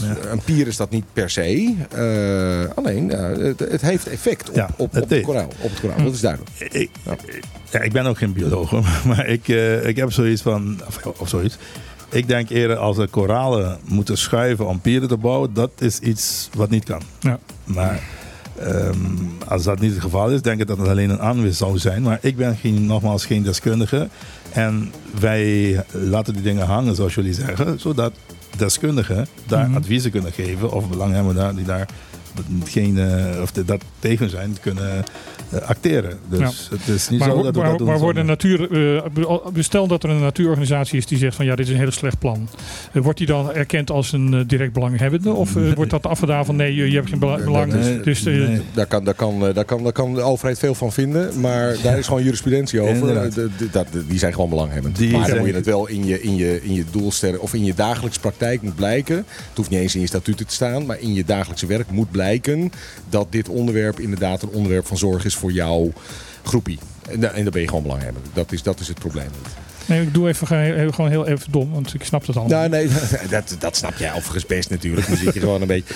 Maar het, wa- wat je niet wil hebben, en daar heeft de wetgever natuurlijk voorkomen gelijk in, is dat eh, eh, iedereen en zijn moeder die eh, er helemaal niks Dat- mee te maken heeft. de dat je in Zuid ergens een eh, pier bouwt en dat iemand in Rincon zegt van ik wil dat niet. Dat Ja. is een beetje vervelend. Ja. Maar het is vrij breed. Dat begrip belanghebbende is in de jurisprudentie vrij breed. Maar ik denk dat het ook verschil uitmaakt in belanghebben en direct ba- belanghebben. Ja, da- daar, daar, daarom zeg ik ook direct. De, in, in de aankondiging staat van dat alleen direct belanghebbenden. Dat is het. eh, Ik denk dat het met die mensen die inderdaad, zoals Arjen uitlegt, direct mee te maken Ja. hebben, die kunnen daar iets in van, van vinden Ja. natuurlijk. Eh, het andere favoriete onderwerp van onze gezaghebber is natuurlijk de hondenproblematiek. Eh, Ja. Maar ja, ik moet zeggen, er, er gebeurt eh, na die uitzending er gebeurt er wel wat. Want er is dus nu een commissie st- ingesteld van die dat gaat bekijken. Ja. Er komt een publiciteitscampagne. De Woofy Ja, publiciteitscampagne. leuk, hè? Lief, lief hondje. Leuk. Ja. Echt een West Pointer is het ook. Ja. Eh, helemaal goed. East Pointer. Nee, nee, nee. nee. East Pointer, sorry. Eh, West Pointer is, is, is Curaçao. Curaçao. Ah, ja, ja, sorry. ja. Hier, is die, hier zijn het East Pointers. Oh, sorry. Ja. Maar ga verder. Laat me je vooral niet uh, Ehm, ja, eh, hoe, hoe eh, blijft het bij een publiciteitscampagne? Of gaat er echt ook strenger gehandhaafd worden? Nee, dit, eh, wat er nu gaat gebeuren is inderdaad dat er een commissie opgesteld gaat worden die dan aanbevelingen gaat brengen. En aan de hand van die aanbevelingen gaat natuurlijk een verdere intensivering van de handhaving eh, erop gebeuren. En ehm, we hopen dat het inderdaad uitpakt voor onze dierenwelzijn hier op Bonaire. Intensivering handhaving hoor ik. Dat was natuurlijk ook even hier, eerder aan tafel. Was dat hier vooral, het gesprek was even van, nou, je moet mensen in ieder geval goed beter informeren over wat de wet Ja, is. en dat is het andere aspect was, ja, wat doe je als je mensen toch een, vinger, eh, tik op de vingers moet geven? Dat laatste, u zegt intensievere handhaving. Hoe zou dat er mogelijk uit kunnen gaan zien? Dat moet die commissie dan eh, naar voren gaan brengen. Ja, die commissie die gaat nu, eh, die wordt niet samengesteld en die moet ons met adviezen gaan geven hoe wij eh, hierop moeten gaan ingrijpen in de toekomst. Ja, nee, duidelijk. Dus eh, ik hoop snel. Heb jij nog dat liedje van Elvis Presley over honden? Of, eh, Eh, want dan kun nee. jij ondertussen, wat, wat we gaan doen, ik neem aan eh, zodra de muziek draait, of wil je het opnemen? We, we gaan een boek overhandigen We gaan het boek overhandigen, ja. aan de gezaghebber. Ja. Wil je, dat, wil je dat live on air doen voor, eh Ja, voor dat wil, ik vader? live on, dat wil ik live on air Ja, dan doen. we het live on air. Eh, wat ik dan maar eventjes ondertussen aankondig, is dat er natuurlijk een schitterend boek is dat eh eh, Bonaire als e-book te downloaden is. Ik weet niet of het inmiddels ook... Bij Bruno is het ook te koop. In ieder geval, het is te bestellen en dan is het binnen een paar dagen, binnen een week is het, is het Bonaire. En je mag zelf even zeggen hoe het ook weer heet. Dat deed je gewoon. Dat deed je gewoon. Van En het is geschreven door? mijn vader. eh, ja. eh, maar hoe heet je vader? Zeg je? Hoe heet je vader? Dat mensen kunnen opzoeken. Eh, Fred Hiesjemuller. Fred, ja, dat is dus heel erg lastig googlen. eh, maar Hiesjemuller... Nou, ik zal het even spellen. Ik- Nee, nee, doe dat maar niet. Dat is een lange naam. Eh, maar ik zet het zo wel even op de Facebookpagina. Komt goed. Eh, Martijn gaat een, een, een prachtig exemplaar van het boek met opdracht van je vader. Met opdracht van mijn vader aan de gezaghebber. Aan de gezaghebber dat mag de gezaghebber dan straks zo voorlezen. Ja. Ehm, het is eh, een boek van eh, 300 pagina's. Het gaat over zijn leven. Het, eh, hij is, eh, als 99-jarige is hij de oudste eh, debutant, eh, de boekendebutant van Nederland. Eh, het is uitgekomen bij, bij Meulenhof. En ehm, ik ga het boek gaan geven, want dat, dat deed je gewoon. Heel goed. Kijk, hartstikke mooi. Ik maak ondertussen even een leuk fotootje. Ja hoor, kijk. Nou, hartstikke goed. Leuk. Nou, mooi. Het is Nou, inderdaad eh, 300 pagina's, Oh, maar... oh, mag, sorry. ja, mag ik even Martijn dan bedanken? En, en eh, ook als je je vader spreekt, eh, zegt hem Hij zeker. staat, op de, hij staat op de achterkant. Ja, Eh, Je, je, lijkt- je, lijkt- ja, je, je lijkt wel op je vader. ik kan het zeggen, gelukkig maar voor je. Ja, het, is, het is 300 pagina's, maar het is een prachtig boek. Het, het was, ik, ik heb het net uit. Het is schitterend. nou, ik eh, ben benieuwd. Ik, Kunt u het, de, opdracht even voorlezen? Ik, ik moet even, ik heb mijn bril niet bij me. Een voor de gezaghebber die. Nee. Ik, kan het echt, Ja, heb mijn leesbril niet op. Maar, maar Martijn is wat directief ingesteld af en toe. Ga jij hem even voorlezen? Ja, is voor de schrijver, die vaak op het gezag dwars lag. Een warme groet aan gezag van Bonaire. goed. Nou, prachtig. Heel mooi. Dankjewel, dankjewel, dankjewel. Nou, hartstikke goed. Bedankt voor als je hem spreekt. Dat zal ik zeker doen. Dankjewel. Ik waardeer het zeer. Er is vast nog iets wat wij nog niet eh, eh, hadden bedacht dat we aan, eh, aan de gezaghebber gingen vragen. Edison, heb jij nog zelf dingen die je graag even naar voren wil brengen? Ehm, ehm, ja, nee, ik. eh, niet echt, maar. ik eh, ben. Ja, misschien kan ik zeggen dat ik dus onlangs in Nederland ben geweest. En, eh, Ja, vertel. dat- zeker. Ja, dat ik daar enige. eh, ja, verschillende ministeries heb gesproken. Ik ben ook in Brussel geweest. eh, dus eh, dat waren mm, ja, twee, bijna ruim ja, bijna twee weken die ik daar eh, eh, ministeries ben, ben be- gaan bezoeken. En één ding wat opviel en eh, waar ik daar iets over wil zeggen, want ik zag, eh, misschien zag je ook in de pers laatst dat ik bezoek heb gekregen van de Fiat. Ja. De ho- In, in functie zeggen we er even bij. hè. in functie, ja, inderdaad. Niet, van de Fiat en eh, Belastingdienst en ook eh, KPCN. eh, ze waren bij mij even geweest. Ja. Het, eh, dit is een eh uitvloeisel op eh, wat wij in oktober vorig jaar op een seminar van wet eh, ter voorkoming van witwassen en eh, financie- terrorisme financiering. Fiat betekent fiscale inlichting en opsporingsdienst. Klopt. En eh, wat wij toen hebben besproken in dat seminar is dat ik als gezaghebber eh, mij hard ging maken om te voorkomen dat Bonaire, zoals het populair zeggen, het afvoerputje wordt van eh, witwasgelden uit de wereld die hier naartoe komen. En daar wil ik als gezaghebber dat wij hier op Bonaire echt eh, maatregelen en, gaan treffen dat dit ook gecontroleerd wordt, net zoals zo streng als het mogelijk kan. En eh, daar heb ik eh, bezoeken gebracht aan toezichthouders zoals DNB, AFM en nu met Fiat. Om dat eh, voor elkaar te krijgen, zodat Bonaire zich toch als eiland in het Caribisch gebied kan onderscheiden. Als een eiland waar echt dat soort situaties niet makkelijk voorkomen. Ja, nou dat is, dat is inderdaad. En dat brengt me nog, toch wel even op een bruggetje als u nog even de tijd heeft tenminste. Maar Mhm. eh, we lazen ook in eh, de Amigo vanmorgen, gisteren, ehm, dat in het Kamerdebatje, en het was mij even ontgaan in dat tweede, eh, twee minuten debatje, maar de Cariben kwamen ook even aan de orde. En minister Hoekstra heeft daar gezegd, ja we gaan ook met extra aandacht kijken naar eh, de effecten van sancties. Of dat we de Ja. sancties echt zullen ook implementeren Ja. op bijvoorbeeld Bonaire. Ja. Ehm, is daar enig beeld bij de lokale overheid van hoe groot of hoe omvangrijk die, Die- investeringen hier zijn? Nou, die, ehm, die verzoek is ook bij ons binnengekomen en die is uitgezet om te kijken waar in hoeverre wij dat kunnen. Maar naar mijn indruk, even, eh, ik, zou het niet weten. Ik kan me herinneren wel, dat het gaat soms heel diep en heel detail. Eh, het gaat tot zelfs bij de toelating van ehm, eh, de, de, Russische televisiezenders op je kabel. En eh, ik kan me herinneren, dit was al een tijdje in Nederland eh, al weggehaald. En toen was het hier op Bonaire nog steeds... eh, Ja. RT. Ja, Ja, ja. RT, ja. ja, Ja, en ja. ik weet niet of hij nog steeds er is, maar... Ik zou het niet weten. Ik, ik ik heb toen een melding van moeten maken en daar zouden ze iets van eh, Ja. vinden. Maar het, het gaat soms eh, heel ver en eh, voor de rest weet- zou ik Ik wil niet één klein steekje over zeggen. Hoekstra is- vindt ook dat Aruba, eh, de vliegtuigen die daar gestationeerd zijn van eh, Russen, in beslag genomen moeten worden. Want ze- hij vindt dat het hele koninkrijk dat moet doen. Ehm, eh, de, dezelfde Hoekstra is nu echt een enorme schrobbering gekregen van de, de Tweede Kamer. Dat er maar 500 miljoen van Russisch geld in Nederland is, ehm, is, is eh, in beslag genomen. Terwijl de, nou, tweede- Nederland is het tweede land in de wereld waar de Russen hun, hun geld hebben gestald.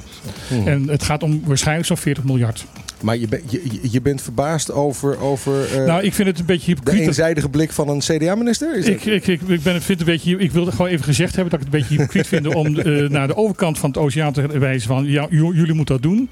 Terwijl je dus zelf gewoon eh, Nee, ontzettend boter op je hoofd Nee, hebt. dat ben ik helemaal met je eens. Maar Nederland heeft daar natuurlijk vrij consistent, eh, Europees Nederland. En eerlijk is eerlijk, eh, dat geldt eigenlijk ook wel voor Curaçao, Aruba en andere eilanden. We hebben natuurlijk als hele koninkrijk altijd een hele grote mond over, eh, over foute Exact. financiële bewegingen in de wereld. Exact. Maar ondertussen, we zijn het grootste gokparadijs van... van En, en Nederland is het een van de grootste belastingparadijzen van grote Ja. bedrijven op dit moment. Dus, eh, ja, dat is, wij- dat is de koopmansgeest. Vindt u niet, gezaghebber? Dat, dat is misschien zo, maar ik wil wel voorkomen dat Bonaire het afvoerputje daarvan gaat worden. Dus daar ben ik Gelukkig actief ik ben daar erg blij mee dat u dat vindt. Gelukkig maar. En Eh, handtaal. En, uh, hand, En ja. ja. Nou, maar het is natuurlijk lastig. Want, want als, als hier bijvoorbeeld een stuk eh, grond of een gebouw of, of een bankrekening eh, weliswaar ten goede komt aan uiteindelijk een, een, een Russische beneficiary, iemand die, die daar het eh, genot van eh, heeft, hoeft dat nog niet automatisch te betekenen dat het in het kadaster ook op zijn of haar naam staat. Hè? Dus het, het is natuurlijk, voor, zeker voor een kleine lokale Ja, overheid, is is, lastig. ben je er niet Ja. morgen Erg lastig. Ja, maar goed, eh, dat, dat die links tegenwoordig kunnen wel gelegd worden tussen de verschillende kadasters. Ja. Wat hiervoor niet was. Dus dat Ja. is al een stapje in de goede richting. Ja, nee, zeker. Absoluut. Allerlaatste vraag die ik nog even had. Eh, de verkiezingen zijn in aantocht. In ieder geval, die zijn in maart volgend jaar. Maar dat betekent natuurlijk wel iedere vier jaar weer één ding. De wegen worden weer gerepareerd. Alleen, er, is, er is wat discussie. Want er is koud, er wordt alleen maar koud asfalt gebruikt momenteel. En daar is, daar is even, in ieder geval, ik, ik woon Ja. hier in Kong tegenwoordig. Ja. Inderdaad, het ligt er op het ene moment. Maar het volgende moment is het Drie- gat weer net zo groot. Drie regenbuien en ben- je bent weer kwijt. Ja, dus, dus eh, maar, maar is dat, dat koude asfalt, dat wordt dat is een beetje technisch, maar dat koude asfalt wordt natuurlijk al heel lang gebruikt. Hè. We, het gebeurt niet vaak dat we echt eh, weer de, de Ja. onderlegging en het warme asfalt gebruiken. Is daar bij, voor zover u ziet, bij DRO op dit moment een, beetje een soort van lange termijn strategieverandering in gedachten? Of, of blijft dit zo? Ja, ik denk die vraag moet je stellen aan de deputaten van DRO. Ja, I know, I know. jammer. Ik heb het geprobeerd. Ja, jammer. Goed. Dan eh, danken wij eh Edison Rijnen, onze gezaghebber, eh, weer voor, eh, voor de komst natuurlijk. Ik dank jullie ook voor de tijd en eh, tot de volgende keer. Tot volgende keer. Tot de volgende keer. Hebben wij iets overwegen? Een leuke- Station.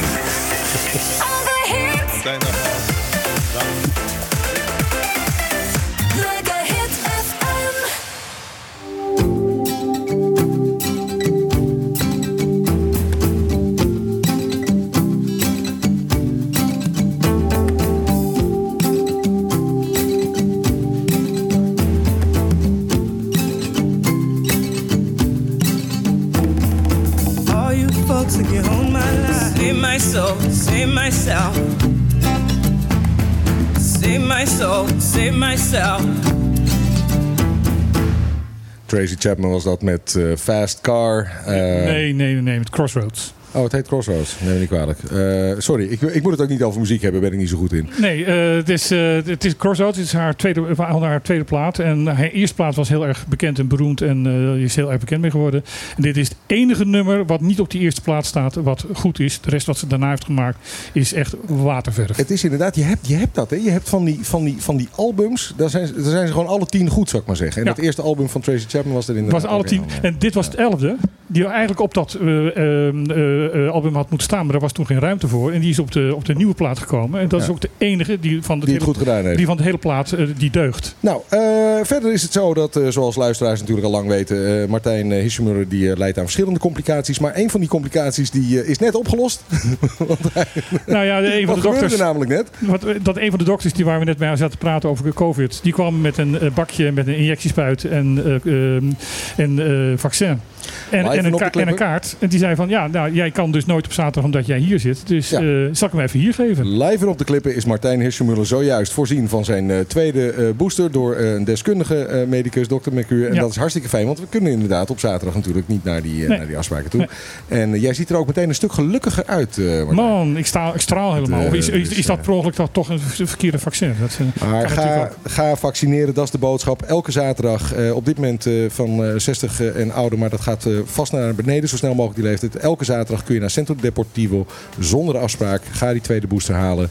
Dit is waarschijnlijk hoe we eh, gewoon de komende jaren, net als bij griepcocktails en zo, eh, het leven zullen gaan beleven. Uiteindelijk gaat dit bij de huisarts terechtkomen. Ja. Die gewoon je uit, net zoals je als voor de, de, de, de griepprik, je uitnodigen voor een, voor een prik. Ja, nou en we hadden aan tafel bedacht dat we het ook eens een keertje gingen hebben over een, een ander fysiek aspect. En dat was kinderen krijgen. Dat is kinderen krijgen. En er zitten twee eh, aanstaande ouders eh, aan We hebben aan tafel. tafel twee aanstaande ouders. Die, eh, waar ik bij allebei moet zeggen van praat zo dicht mogelijk in de microfoon. Ja. Dichtbij, aan de, aan de microfoon. Eh, aan tafel zit namelijk.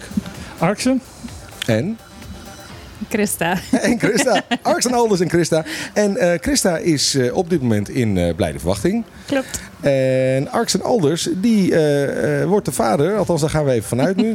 Bontadi, Bontadi. Ja, Bon klopt. Tadi. ja, dat is, dat is, ja, dat is, oké. In de microfoon praten. Daar, daar ga ik ook vanuit. en dichterbij. Je weet het, de, de moeder is zeker, de vader is het natuurlijk nooit. Maar we gaan er even vanuit. In ieder geval voor het onderwerp is het ook wel even van belang. Want Arxen had bedacht, ja, maar ik wil natuurlijk ook wel eh, eh, rondom die eh, eh, bevalling in ieder geval. Wil ik hetzelfde kunnen meemaken eh, voor mijn kind eh, als moeders eh, kunnen. En toen ging Arxen naar de wet kijken. En wat bleek toen? Nou ja, dat dat dus niet het geval is als je op Bonaire woont. Vaderschapsverlof. Dat is inderdaad even het onderwerp. Of ouderschapsverlof eigenlijk, moeten we zeggen. Jij wil natuurlijk eigenlijk graag hetzelfde soort van verlof hebben als, als moeders kunnen hebben. Nou, niet precies hetzelfde. Dat, dat is dan ook wel eh, tot het extreme. Maar in elk geval wel ehm, van dermate dat het vergelijkbaar is met wat eh, iedereen in het Europees deel van het land krijgt. Ja. Eh, kortom, kortom was het. ehm, ja, eh, dat je vaders in. Ar- Blijf- je moet even iets heel lastig doen. Je moet, je moet eh, als je de micro, hem wil aankijken, moet je de microfoon even meezetten naar de andere kant toe. Je hoeft, je hoeft mij niet aan te kijken, daar, daar mis je ook niks mee. Je moet gewoon in die microfoon blijven praten. Dat is even een, een technisch mankementje dat we hier hebben. Eh, kun je kort uitleggen, Axel, wat het verschil is tussen de wetgeving voor wat betreft ouderschapsverlof in Europees Nederland en Bonaire? Nou, in detail zou ik het niet kunnen zeggen, maar het komt erop neer dat je in Europees Nederland als vader, als aanstaande vader, krijg je vijf eh, werkdagen verlof. Dat is standaard eh, in de wet eh, verankerd. Daarbovenop kun, kan de werkgever voor jou als werknemer ook een aanvraag doen bij het UWV ehm, voor eh, ehm, vijf weken daarbovenop. Dat wordt dan vergoed door het UWV. Dus de werkgever krijgt daar wordt daarin gefaciliteerd. En dat is in Bonaire niet het geval. Eh, ook die twee dagen, eh, die vijf dagen zijn niet het geval. Dus, Dus- eigenlijk heb je niks. Eh, precies, dus je, je krijgt twee dagen op, op de dag dat... eh, dat eh, twee, twee of vijf dagen? In Nederland is het vijf dagen. En hier is twee dagen. Hier is het niks. Hier is het niks. Hier Hier is niks. Nee, nee, nee. Die oh, twee dagen. niet twee dagen. Die twee dagen eh, komt doordat sommige werkgevers wel eh, een goede werkgever wil zijn en het Mhm. alvast opnemen in de CAO. Nou, sterker nog, toen ik nog directeur was van Stinapa, eh, heb ik, eh, en ik mag nu achteraf wel zeggen, tot verbazing van de vakbond, zelf ingebracht dat ouderschapsverlof in de CEO moest. En dat die ook moest gelden voor, eh, voor mannen. Dus als je bij Stinapa werkt, Stinapa werkt, dan, eh Stinapa is op eh, Stasia, dan heb je gewoon vaderschapsverlof. Dus het kan, inderdaad, wilde ik maar zeggen, natuurlijk tussen werkgever en eh, vakbonden of werknemers worden geregeld. Ehm, jij werkt op het eiland, denk ik. Is het voor jou geregeld? Nee, is niet voor mij geregeld. Maar alles kan geregeld worden in goed overleg met je werkgever. En nou, ik hoor dat af en toe ook, inderdaad. Het ligt niet- niet alleen maar aan de Rijksoverheid en de regering. Het ligt ook aan eh, de contract die je hebt met je werkgever. Je werkgever kan ook een faciliterende rol daarin spelen. Maar ik denk dat jij een van de weinige eh, ex-directeuren was eh, bij Sina. Sina was een van de weinige bedrijven die dat heeft opgenomen in hun CAO. Misschien heeft het OLB dat, eh, er zijn andere bedrijven die het hebben, maar de meeste hebben dat ronduit niet. Nee, maar het is inderdaad goed om even voor, ook voor de luisteraar helder te maken van, nou ja, er zijn natuurlijk dingen die worden bij wet geregeld als het gaat om bijvoorbeeld arbeidsrecht. Maar er zijn ook dingen die collectief eh, worden geregeld tussen werkgevers en werknemers. Het zijn wel twee verschillende dingen inderdaad. Dat klopt, dat klopt. En ik hoor af en toe het argument, ja, het kan ook inderdaad door de werk- werkgever geregeld worden, maar eh, ja, zelfs onder de kabinetten Rutte is de conclusie getrokken dat ehm, werkgevers en de markt eh, deze kwestie niet voldoende adresseren. Het is niet voor niks in de wet daar opgenomen. Christa, jij bent aanstaande moeder. Ehm, hoe, hoe, hoe- hoe kijk jij hier tegenaan? Want even, even voor, voor, eh, voor de discussie. Er zijn natuurlijk ook best wat mensen, nog steeds, ook, eh, ook hier bij ons, die zeggen: ja, nee, ja, wat een onzin. Het is, het is de aanstaande moeder die, die, eh, zeg maar die, die tijd nodig heeft. Al was het alleen maar om fysiek te kunnen herstellen, zou ik maar zeggen. Maar waarom zou die vader dat nou allemaal moeten hebben, ook die gelijke behandeling? Nou, ik vind wel... Wij krijgen als moeders net zoveel als in Nederland. Dus dat is 16 weken. Ehm, en ja, heel erg nodig inderdaad. Fysiek eh, in ieder geval sowieso. Maar wat daarin weggelaten wordt als de vader niks krijgt... vind ik is dat er ondersteuning nodig is natuurlijk. Ik bedoel, stel je hebt een... Ja, eh, Een complicatie of zo. een complicatie of je hebt eh, de keizersnede gehad en je Ja. kan bijna niet opstaan of niks stillen of zoiets. Weet je, dat is dan redelijk zwaar. En dan als je partner dan maar twee dagen krijgt, ja, dat Ja. is echt heel schaars. Maar vind, vind jij dat, is, is dat het enige argument? Hè? Dus, dus zeg maar ondersteuning voor de herstellende eh, eh, eh, jonge moeder. Of vind je er ook een argument te geven in de zin van, nou ja, kijk, het, het is ook belangrijk bijvoorbeeld voor de binding Zeker, met het kind. zeker. En dat heeft onderzoek ook uitgewezen. De binding met de vader en de baby is in het begin ontzettend van belang. En als je ja, de vader daar helemaal geen kans voor krijgt, daar niet gefaciliteerd wordt, ja, echt zonde. Ik ben geloof ik nu de enige vader hier aan, aan tafel. Eh, al, al, al, vader Voor, zijnde. voor zover ik weet ben ik geen vader. Ehm, bij mij was het goed geregeld. Eh, het was nog niet officieel eh, met eh, wettelijk dat het eh, die, die vijf weken, maar ik heb wel een, een groot aantal weken gekregen van mijn, mijn toenmalige werkgever. Ehm, de, de binding met kind, met de moeder, begint al in de buik. Ja. Eh, de binding ehm, met de vader en met het kind begint pas op het moment dat het kind de buik uit is. En dat heb ik zelf heel erg duidelijk gemerkt. Eh, we hebben echt eh, heel duidelijk afgesproken dat de, de verzorging van het kind, eh, de schone luiers, in het bed liggen, al dat soort zaken, dat in de eerste weken ik dat zou doen. Om, Nou. om die reden. Waarom? Om eh, op die manier die binding te krijgen. En Ja, want je kan geen borstvoeding geven. Nee, nee. Dus Je kan Ja. geen borstvoeding geven. Je hebt eh, niet dat, dat, dat, dat persoonlijke contact wat, wat, wat, een, wat een vrouw dus wel heeft met die borstvoeding. Ja, maar contact is toch pas leuk vanaf een jaartje of twaalf als een kind kan praten en wat kan leren. Tot die tijd kostschool, toch? Nee? Oh, nou ja, ja vind ik dan. Nee, maar ik, Ik stuur uh, Mette nog wel een keer op je af. Dat, eh, het zou goed voor je zijn om vader te worden, denk ik. dat, Ja, eh, ja, ja, dat, ja, ja. eh, ja, dat schijnt. eh, maar goed, Jude. het, eh, ja. ja, ja, ja, ja, ja. Ehm, even iets anders, want hoe gaan we dit nou bereiken dan, eh Arxen? Want het, hè, het, onder, het, het is duidelijk, het is, het is ook raar, in, in principe raar dat mensen ongelijk worden behandeld. Hè. Eh, vaders en moeders ongelijk worden behandeld onder de wet en vaak ook in cao's. Hoe gaan we dit veranderen? Nou ja, goede vraag. Eh, kijk, deze kwestie met het ongelijk behandelen van vaders is niet heel anders dan alle andere kwesties in het sociale domein die we op Bonaire kennen. Dit is, Ja. ja, ver- vervang het woord burger door het woord vader en ja, hetzelfde principe geldt. Ja. Ehm, wij kunnen hier niet veel meer eraan doen dan de druk eh, erop blijven zetten. En eigenlijk ook als Bonaire eensgezind over dit soort kwesties eh, blijven optreden. Maar ehm, de, het, het Centraal Dialoog die zou hier ook best wel een rol in kunnen spelen. Ja, bijvoorbeeld. We, we, we hebben nu gemerkt, van dat, ook met, met minimumloon, eh, op het moment dat het Centraal Dialoog begon te- duwen van jongens, wij vinden als werkgevers en werknemers dat dit geregeld moet worden, begon er toch in, in Den Haag iets te schuiven. niet, de- niet voldoende, maar ehm, Ja. er gebeurde even, wel wat. Even voor de luisteraar, de centrale dialoog is het overleg tussen eh tripartieten, tussen overheid, werkgevers en werknemers op het eiland. Ja. Eh, dus dat is misschien één weg al. Hè. We zijn- eh, Er zijn werkgeversorganisaties op het eiland, er zijn vakbonden op het eiland. eh, er is een lokale en een eh, nationale overheid. Eh, is het niet een plek om daar eens een keer eh, te beginnen? Om het in ieder geval eh, collectief te regelen, zou ik maar zeggen, in collectieve arbeidsovereenkomsten. De centrale dialoog heeft een belangrijke functie. Die adviseert op dit soort terreinen. Ehm, maar het advies dat ze hierover hebben gegeven, die vond ik eigenlijk niet toereikend. Ehm, Oh, sorry, er is een, er is een advies. Hebben jullie erover geadviseerd? Wat, wat was daar de korte inhoud van? nou, zij hebben geadviseerd, ehm, het moet gelijk getrokken worden. Het zou goed Mhm. zijn als het gelijk getrokken worden. Maar ze hebben geadviseerd om te beginnen met 2,5 dag vaderschapsverlof. Oh, Ze Nou hebben- ja, dat schiet lekker op. Ja, ze hebben niks gezegd over de vijf dagen, zoals dat in Europees Nederland al is geregeld. En ze hebben ook niks geadviseerd over het aanvullend verlof van maximaal vijf weken. Dus Ja. het, het is peanuts. Ja, ja, nee, helder. En, en, en ja, een halve dag erbij zou ik maar zeggen. Dat is, eh, dat is twee afleveringen van je favoriete Netflix-serie. Dus dat, dat schiet niet op. Hè? Dat, dat- nee. Maar ehm, eh, eh, toch even, even, even doorduwen. Want, want eh, je zit aan tafel en je zegt van, nou, ik, ik vind het een belangrijk onderwerp. Nou, oké, handen en voeten. Wat, wa- wa- komt er een actiegroep? Gaan we, gaan we een online campagne starten? Hoe, hoe gaan we dit aanpakken? Ik ga zo meteen nog even iets anders vragen. Want volgens mij heb jij meer toegang tot bepaalde eh, eh, beslissers dan anderen. En daar gaan we het zo even over hebben. Wat gaan we doen? Hoe, hoe komt dit goed? Nou, om alvast een bruggetje te slaan naar waar je naartoe wilt. We kunnen als eiland natuurlijk... Kijk, het belangrijkste is dat de politiek op het eiland eensgezind is over dit soort onderwerpen. Maar dan moeten we kijken naar wie in Den Haag eh, op deze lijn ook zitten. Er zijn een aantal partijen die dat zijn. D66 is daar één van. Eh, volgens mij hebben jullie eerder in het programma al een beetje eh, bij Den Haag en D66 gestaan.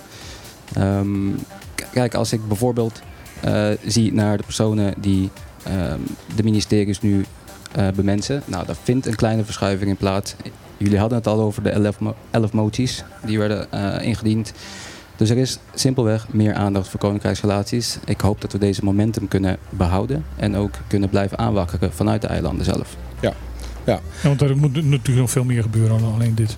Nee, dat is. Ja, daar heeft de Arks natuurlijk volledig gelijk Ja. in. Eh, sociaal eh, zijn wij eh, een heel ander soort land dan, eh, dan Europees Nederland eh, is. Christen, wanneer ben je uitgerekend? 22 juni. 22 juni. Ja. Ze met een grote, sp- eh, een enorme, vlammende eh, glimlach. Ja, Ja, maar het is wel spannend. ja, dat kan me voorstellen. En, en hebben jullie al eh, aan namen zitten denken? Heb je, wordt het, Ja, wordt we hebben een, een, een shortlist. Ja? we we zijn er nog niet helemaal uit. Maar Weet je al wat het gaat worden? Of, eh, nee, dat eh, is, blijft een verrassing. mooi zo. Ja. Maak er geen Sascha van, want het is altijd zo ingewikkeld. Sascha is een mannennaam, voor zover ik weet. Maar er zijn, er zijn allemaal vrouwen die hebben dan weer Ah, Sascha. ik hou wel van die genderneutrale namen. Eh, ja? Ja. Oh, Ne- neutraal, gen- genderneutrale namen. Bedoel, mocht u nog geen van geslacht veranderen, dan kan je dezelfde naam houden. Dat, Genre eh, neutrale. Eh Arks, nu we je toch hebben, want inderdaad, daar wilde ik het bruggetje even naar, eh, naartoe maken. Jij bent, jij bent ook actief eh, eh, bij D66. En D66 heeft, eh, kwam, kwam ik nog niet zo lang geleden achter, heeft een, heeft een soort van eh, Caribische werkgroep of een, of een, een, een afdeling, thema-afdeling Cariben. Ja, D66 staat sowieso bekend als een eh, koninkrijksgezinde partij, zou je kunnen stellen. Ja, in ieder geval in de programma's. Ja. In ieder geval in het programma's. Ehm, Ik voel mij een minderheid hier. Oh, hoe komt dat? Nee. Nou ja, omdat er nu twee eh, D66's met elkaar zitten te praten. Ja, maar over D66 en koninkrijksrelaties eh, heb ik nog wel een appeltje te schillen met een aantal van mijn mooi pratende voor eh, vrienden in eh, mijn eigen partij. Maar goed, ja, nee, ga verder. Sorry. Eh, ja, ja ehm, kijk. We hebben natuurlijk ehm Samir Rafaela gehad, die het Europees Parlement is binnengetreden, Mhm. eh, mede met behulp van Caribische stemmen. Ja. Zeker. Ehm, het programma van D66, daar heb je nog een kanttekening bij misschien, maar die was nogal eh, koninkrijksgezind. Het regeerprogramma had meer bullet points dan ooit over koninkrijksrelaties. Ja. Eh, dus alle, alle lichten staan op groen, Mhm. maar ja, het, het is nog steeds een uphill battle, want in Caribisch Nederland mogen we misschien wel de argumenten aan onze kant hebben, maar het draagvlak hebben we niet. Dat blijft de, dat blijft de, uit- de uitdaging. Ik, ik, ik vroeg me af. ehm, en dat is gewoon echt. een nieuws- Jij, jij, bent, eh, jij hebt bij, bij Koninkrijksrelaties gewerkt in Nederland. Dus eh, je, je weet een beetje hoe dat werkt. Wat mij opvalt is van eh, welke ehm, eh, man of vrouw er ook ehm, eh, zit. Ze gaan e- allemaal op een gegeven moment dezelfde taal uitslaan. Eh, eh, eh, eh, punt op de horizon, eh, ehm, eh, eikpunt, al dat soort zaken. Zijn dat de ambtenaren? In zekere zin wel. En op zich is dat ook niet te verbazingwekkend. Ik bedoel, ik denk dat je in technische bedrijven eigen jargon hebt. In NGO's hebben hun eigen jargon. Dus het hoort een beetje bij de sector. Mhm. Dat je als, een beetje als elkaar gaat praten en bepaalde terminologie hanteert. Nee, maar goed, zodra, een bewindsman of vrouw eh, met eikpunt begon, begint, weten wij dat er dus niks gebeurt. Ja, maar binnenkort gaan ze dus geen eikpunt meer, meer gebruiken. Waarschijnlijk omdat eh, het niet meer sexy is. Ja, nee, en dat is tegenwoordig alleen maar toerisme. Sexy. Ja, ja, ja, toerisme is alleen sexy. Eh, maar het is wel een goed punt dat Axel maakt natuurlijk, wat jij ook maakt eigenlijk. En dat, dat, dat is wel iets wat, wat mijzelf in Den Haag ook altijd opviel. Dat, dat niet alleen op koninkrijksrelaties, maar veel nieuwe bewindslieden. zodra ze beginnen, om even van buiten, van buiten de torens, de Haagse torens te zeggen. In de eerste paar weken heb je ze nog, zou ik maar zeggen.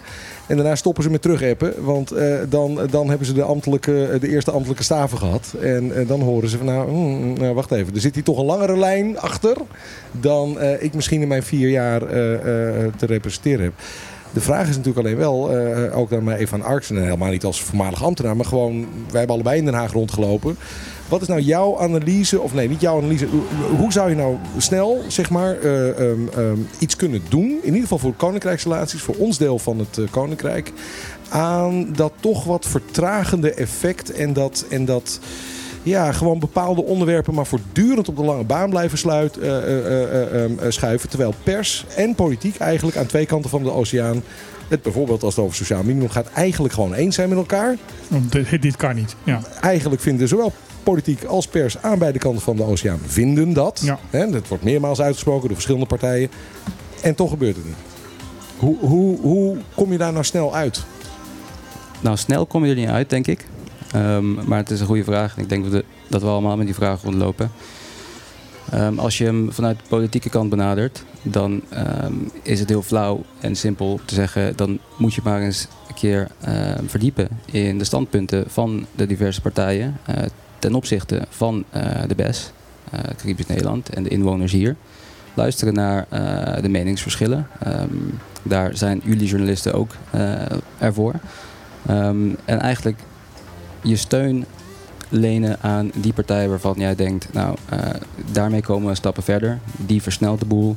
Ehm, die partij moet groter worden. Als je het mij vraagt, is dat natuurlijk D66. Die, ehm, ja, daar draag ik ook een warm hart eh, voor.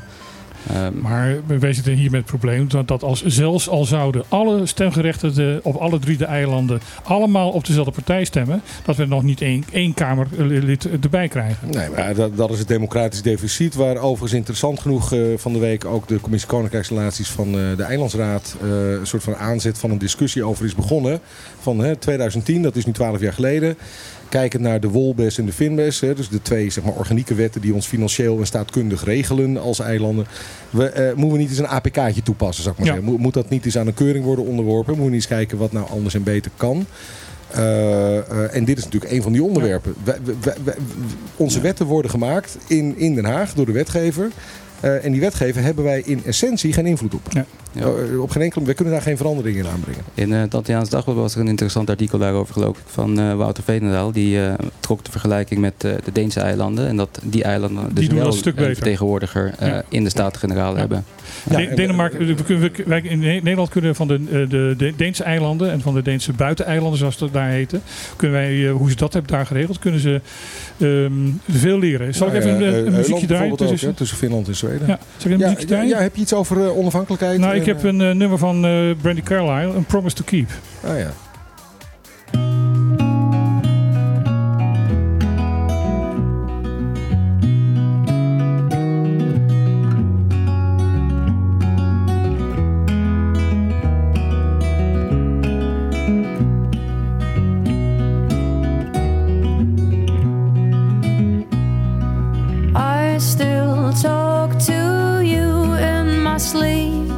I don't say much cause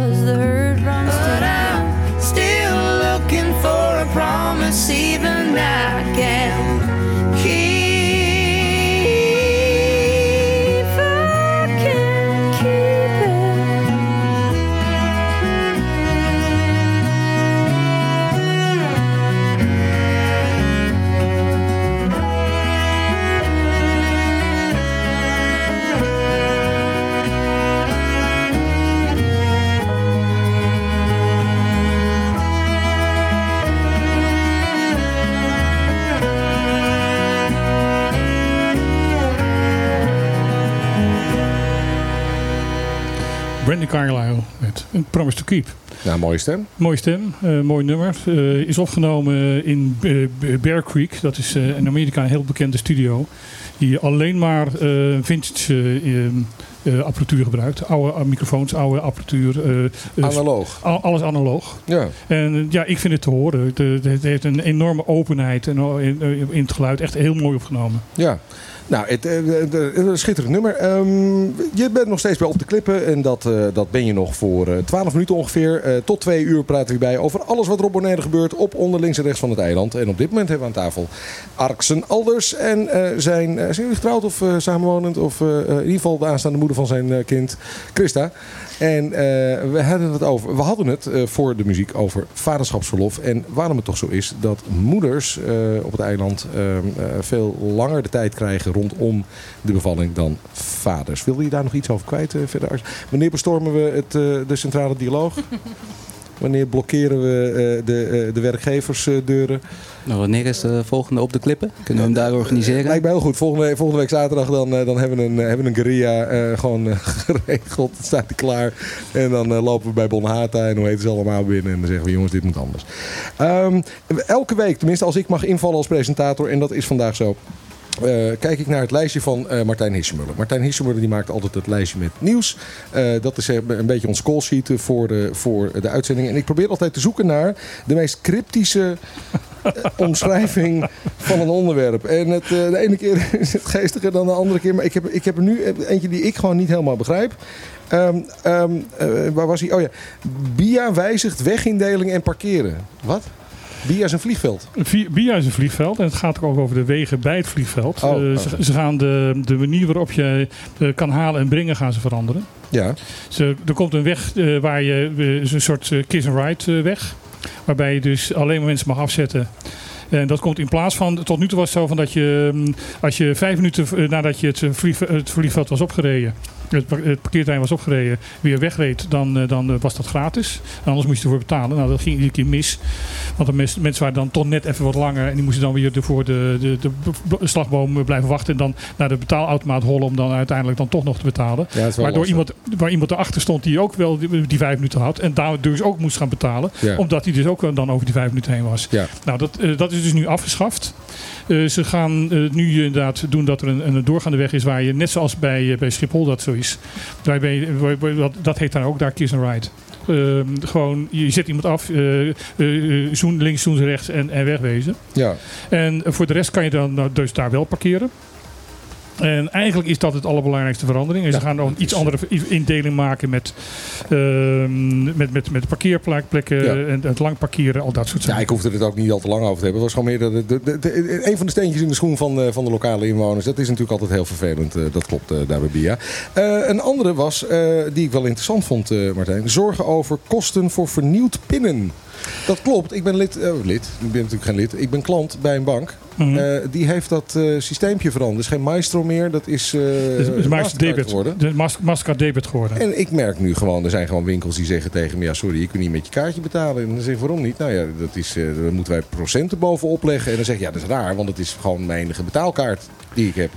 En dan zeg je, ja, jammer voor je. Ja, dat klopt. Ehm, er is één bank nu ehm, die dat nu heeft gedaan, maar het, daar gaan andere volgen. Omdat namelijk eh, Mastercard ehm, de, het contract met Maestro heeft opgezegd.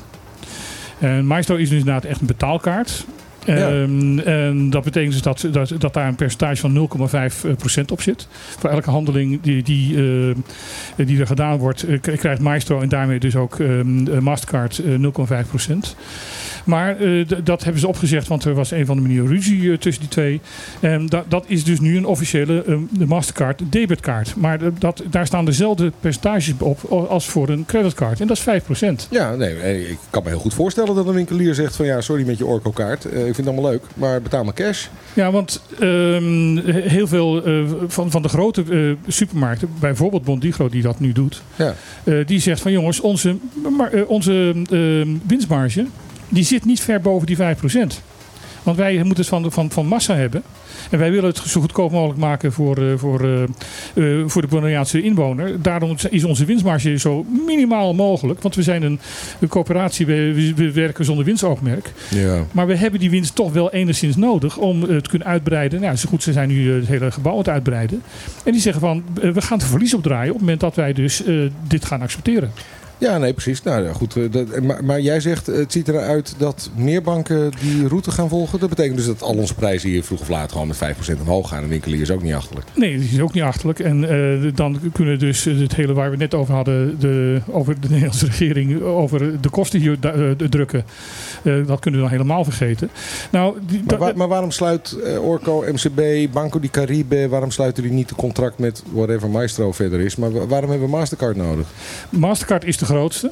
Ja, en? En dan kom je bij Vista anders. En eh, die. ehm, eh, dan moet je dus alles van om gaan doen. En dat kost ook heel veel om door de- alles eh, weer. eh, de hele system- systematiek, de software, alles Ja, maar aan te gaan bedoel, is, passen. is Maestro zelf geen bedrijf? nee, Maestro dan? is alleen maar een dienst die ehm, in dienst is van andere bedrijven. Ja, ja, oké. Net als Swift eigenlijk. Ja. Eh, nou ja, goed. Oké, wordt vervolgd. Ehm, directeur-generaal Koningsrijksrelaties. Hè? Is dat nou een belangrijke baan als je ergens op een ministerie eh, zoals BZK werkt? Heb je dan veel last van zo iemand? Ik denk dat het een hele leuke baan is. Nee, er is namelijk een vacature. Ik zag hem, ik zag hem die is gisteren Nou, volgens mij is die eh, op jouw lijf geschreven. eh, Arjen. Eh, ik denk niet dat BZK blij voor mij wordt. Dus dat, eh, dat, eh, dat, dat denk ik niet. Maar eh, oud, voor, oud journalist, oud voor, eh, eh, hoofdvoorlichting RVD en eh, de laatste jaren. En oud vertegenwoordiger op eh, eh, Curaçao en de laatste jaren. Directeur-generaal Koninkrijksrelaties Henk Brons. Zwaait af. Ik dacht dat hij al eh, 138 was, maar dat valt dus kennelijk mee. Eh, maar zo'n DG, wat kan die nou precies voor onze eilanden wel en niet? Want dan zit je hoog in de boom op zo'n ministerie. Eh, hoe direct ben je dan betrokken bij bijvoorbeeld zo'n onderwerp als vaderschapsverlof of sociaal minimum? Of... Nou, eh, direct betrokken bij een onderwerp zoals sociaal minimum of vaderschapsverlof zal denk ik vooral uit een coördinerende eh, insteek zijn. Dat is ook zijn rol niet, niet de rol per se van BZK. Daar moeten we bij SZW voor zijn. Maar eh, nevertheless, eh, DGKR heeft een heel belangrijke functie eh, in Den Haag om het beleid, eh, alles dat te maken heeft met het Caribische van Koninkrijk, enigszins te proberen te stroomlijnen. Ik denk niet dat het een makkelijke opgave is. Ministeries ehm, houden dat zelf ook, vooral vroeger, tegen. Ehm, dus nou, dat is een grote opgave voor de nieuwe DGKR. En ja, ik, ik, ik las de vacaturetekst. En even terugkomend op wat we er net ook over hadden. eh, over een, eh, een nieuwe kijk, een nieuwe aandacht voor het Koninkrijk. Als je naar de vacaturetekst kijkt, lees je ook bepaalde, eh, bepaalde zinnen die toch wel getuigen van... nou, diversiteit is belangrijk, samenwerking is belangrijk. Ehm, Weten, i- iets weten van de Caribische eilanden. iets weten van de Caribische affiniteit met de Caribische eilanden. Ehm, dus dat is allemaal wel hoopgevend. Ehm, nu afwachten wie zich gaat melden om te solliciteren voor die belangrijke post. Ja, Want ja. het is voor jou een belangrijke post. Ja, het is ons Ja, ook, ik denk voor mij als inwoner op Bonaire vind ik het een belangrijke post, ja. Ja. Nee, het, het is, dat, is, dat is het zonder twijfel. Het probleem is inderdaad, denk ik, zoals Arjen zegt, eh, BZK heeft vooral een coördinerende rol. eh, de spending departments, waar, waar de echte grote bedragen vandaan moeten komen als het gaat om ons dagelijks leven. Ja, die laten zich natuurlijk niet door, eh, door eh, de turfmarkt vertellen wat ze wel en niet mogen hier. Dus, dus dat is een hele lastige rol. ook. Een hele lastige rol, Eh, ja. Eh, maar het is inderdaad wel een hele belangrijke en zichtbare rol. Mhm. Eh, in ieder geval in de ambtelijke voorbereiding. Bijvoorbeeld in, in de zin van waar we het net over hadden. Eh, een, een verse staatssecretaris zoals nu Alexander van Huffelen. Ja, nogmaals, de eerste paar weken zal ze daar samen met haar politiek adviseur... zal ze er lekker in gaan van, joh, dit gaan we even doen.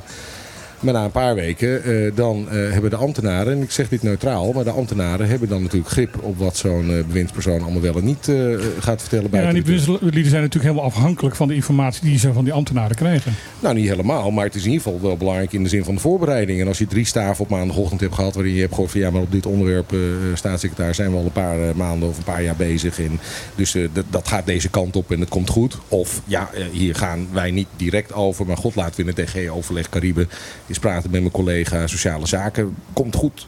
Eh, oh, er is een mondelinge vraag, er is een schriftelijke vraag. Oh, nou heb ik toch echt mijn ambtenaren even nodig voor het beantwoorden van deze vraag uit de Kamer. Ja, voor je het weet ben je een jaar verder.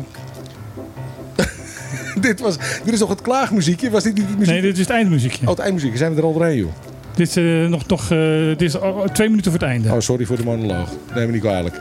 Eh, hadden we nog iets leuks te melden? Want nu, nu was ik wel heel erg aan het azijn pissen. was er nog iets gezelligs? Ja, mogelijk lagere tarieven voor KVK. Er was al Ja. een gesprek. Ja, er- er was al een, een gesprek op de, de Facebook van dat in ieder geval de NGO's minder zou gaan betalen. Nou blijkt dat voor de beurt praten, praten te zijn. Want er is overleg geweest met de, onder andere met de NGO's van wat van- vinden jullie ervan? Ja, we hebben zelfs een brief gekregen als leden van het eh, Ja. NGO-platform. En, ehm, maar het was nog niet bedoeld dat de, de tarieven, eh, in ieder geval de afspraken naar buiten kwamen, want die zijn nog niet officieel. Dus eh, daar is vooral ehm, Oh. KVK nu behoorlijk pissig over. Ja, ik, ik, ik, vond het, ik, vond het, ik vond het een mooie rappe actie. Want inderdaad, in ieder geval voor stichtingen en verenigingen, dus, dus rechtspersonen zonder winstoogmerk op het eiland. Mhm. Ja, eh, die doen goede dingen voor de goede zaak. En die moesten ineens allemaal commerciële tarieven gaan betalen. Terwijl ze in Nederland volgens mij weinig of niks betalen voor de inschrijving in het handelsregister. Nou, een ander leuk puntje is van dat ik de afgelopen week een eh, bijrolletje heb gespeeld in, een, in de speelfilm die op dit moment wordt opgenomen. Jij ook al, het halve eiland. Ik ken Ja, allemaal ja. kinderen die erin... eh, ik- Ja, maar ik, ik had echt een rol. Ik sta op de kast.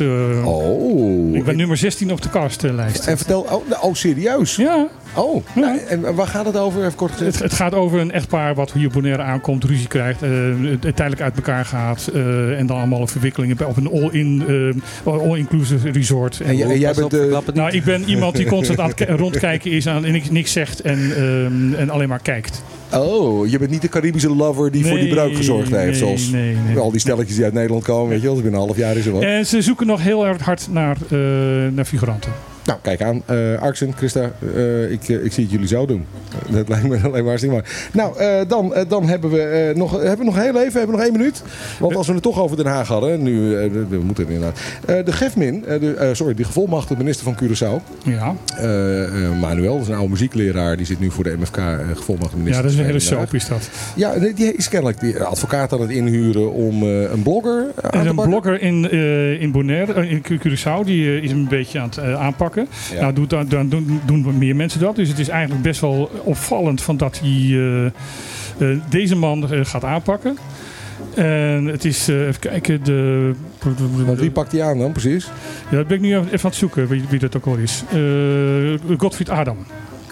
Oh ja, oké. En, en dat is omdat hij eh, Omdat hij... eh, waarschijnlijk heeft geblokt over dat hij allemaal eh, familie aan het inhuren is. Ja, ja, En, dat hij allemaal ja. baantjes aan het weggeven is en, en dat soort zaken. Wat hij ook aan het doen is. Ja. Maar hij, hij gaat nu aangepakt worden. En, en, de, en Adam, Adam zegt van... make my day. Ja, nou, hartstikke goed. Jongens, jullie hebben geluisterd naar Op de Klippen. En meisjes, eh, sorry, en genderneutrale eh, mensen en eh, zij en haar. Jullie hebben geluisterd naar Op de Klippen. Elke zaterdag tussen 12 en 2 wordt je bijgepraat door een heel groot team over wat allemaal op Bonaire gebeurt.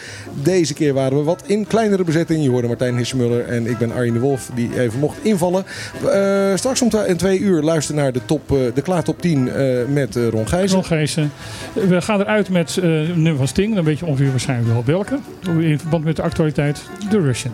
The Russians. Eh, ja, de- ja, ja nou, mooi. Dank je, dank je voor deze eh, opkikker op de zaterdagmiddag. Fijne middag.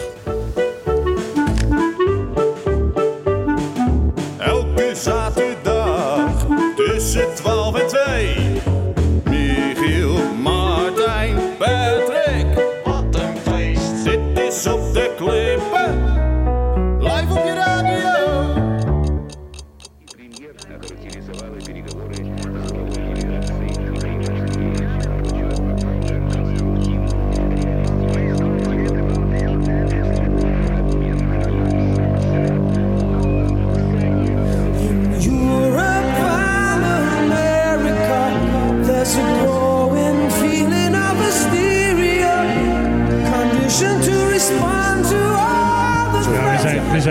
vergeten. even- oh, we zijn iets vergeten. Even Caribisch radio maken nog. Eh, sorry, even Caribisch radio. Dat is, dat is door de muziek heen praten. door. Onze zieke Michiel van Bokhorst sluit dit programma op een eh, bepaalde manier af, eh, Martijn. Ja, ja, ja, ja, ja. En dat doet hij hoe? Die zegt van met z'n allen tot, tot volgende week. En we zeggen met z'n allen... Ajootje, cadeautje. Beterschap Michiel.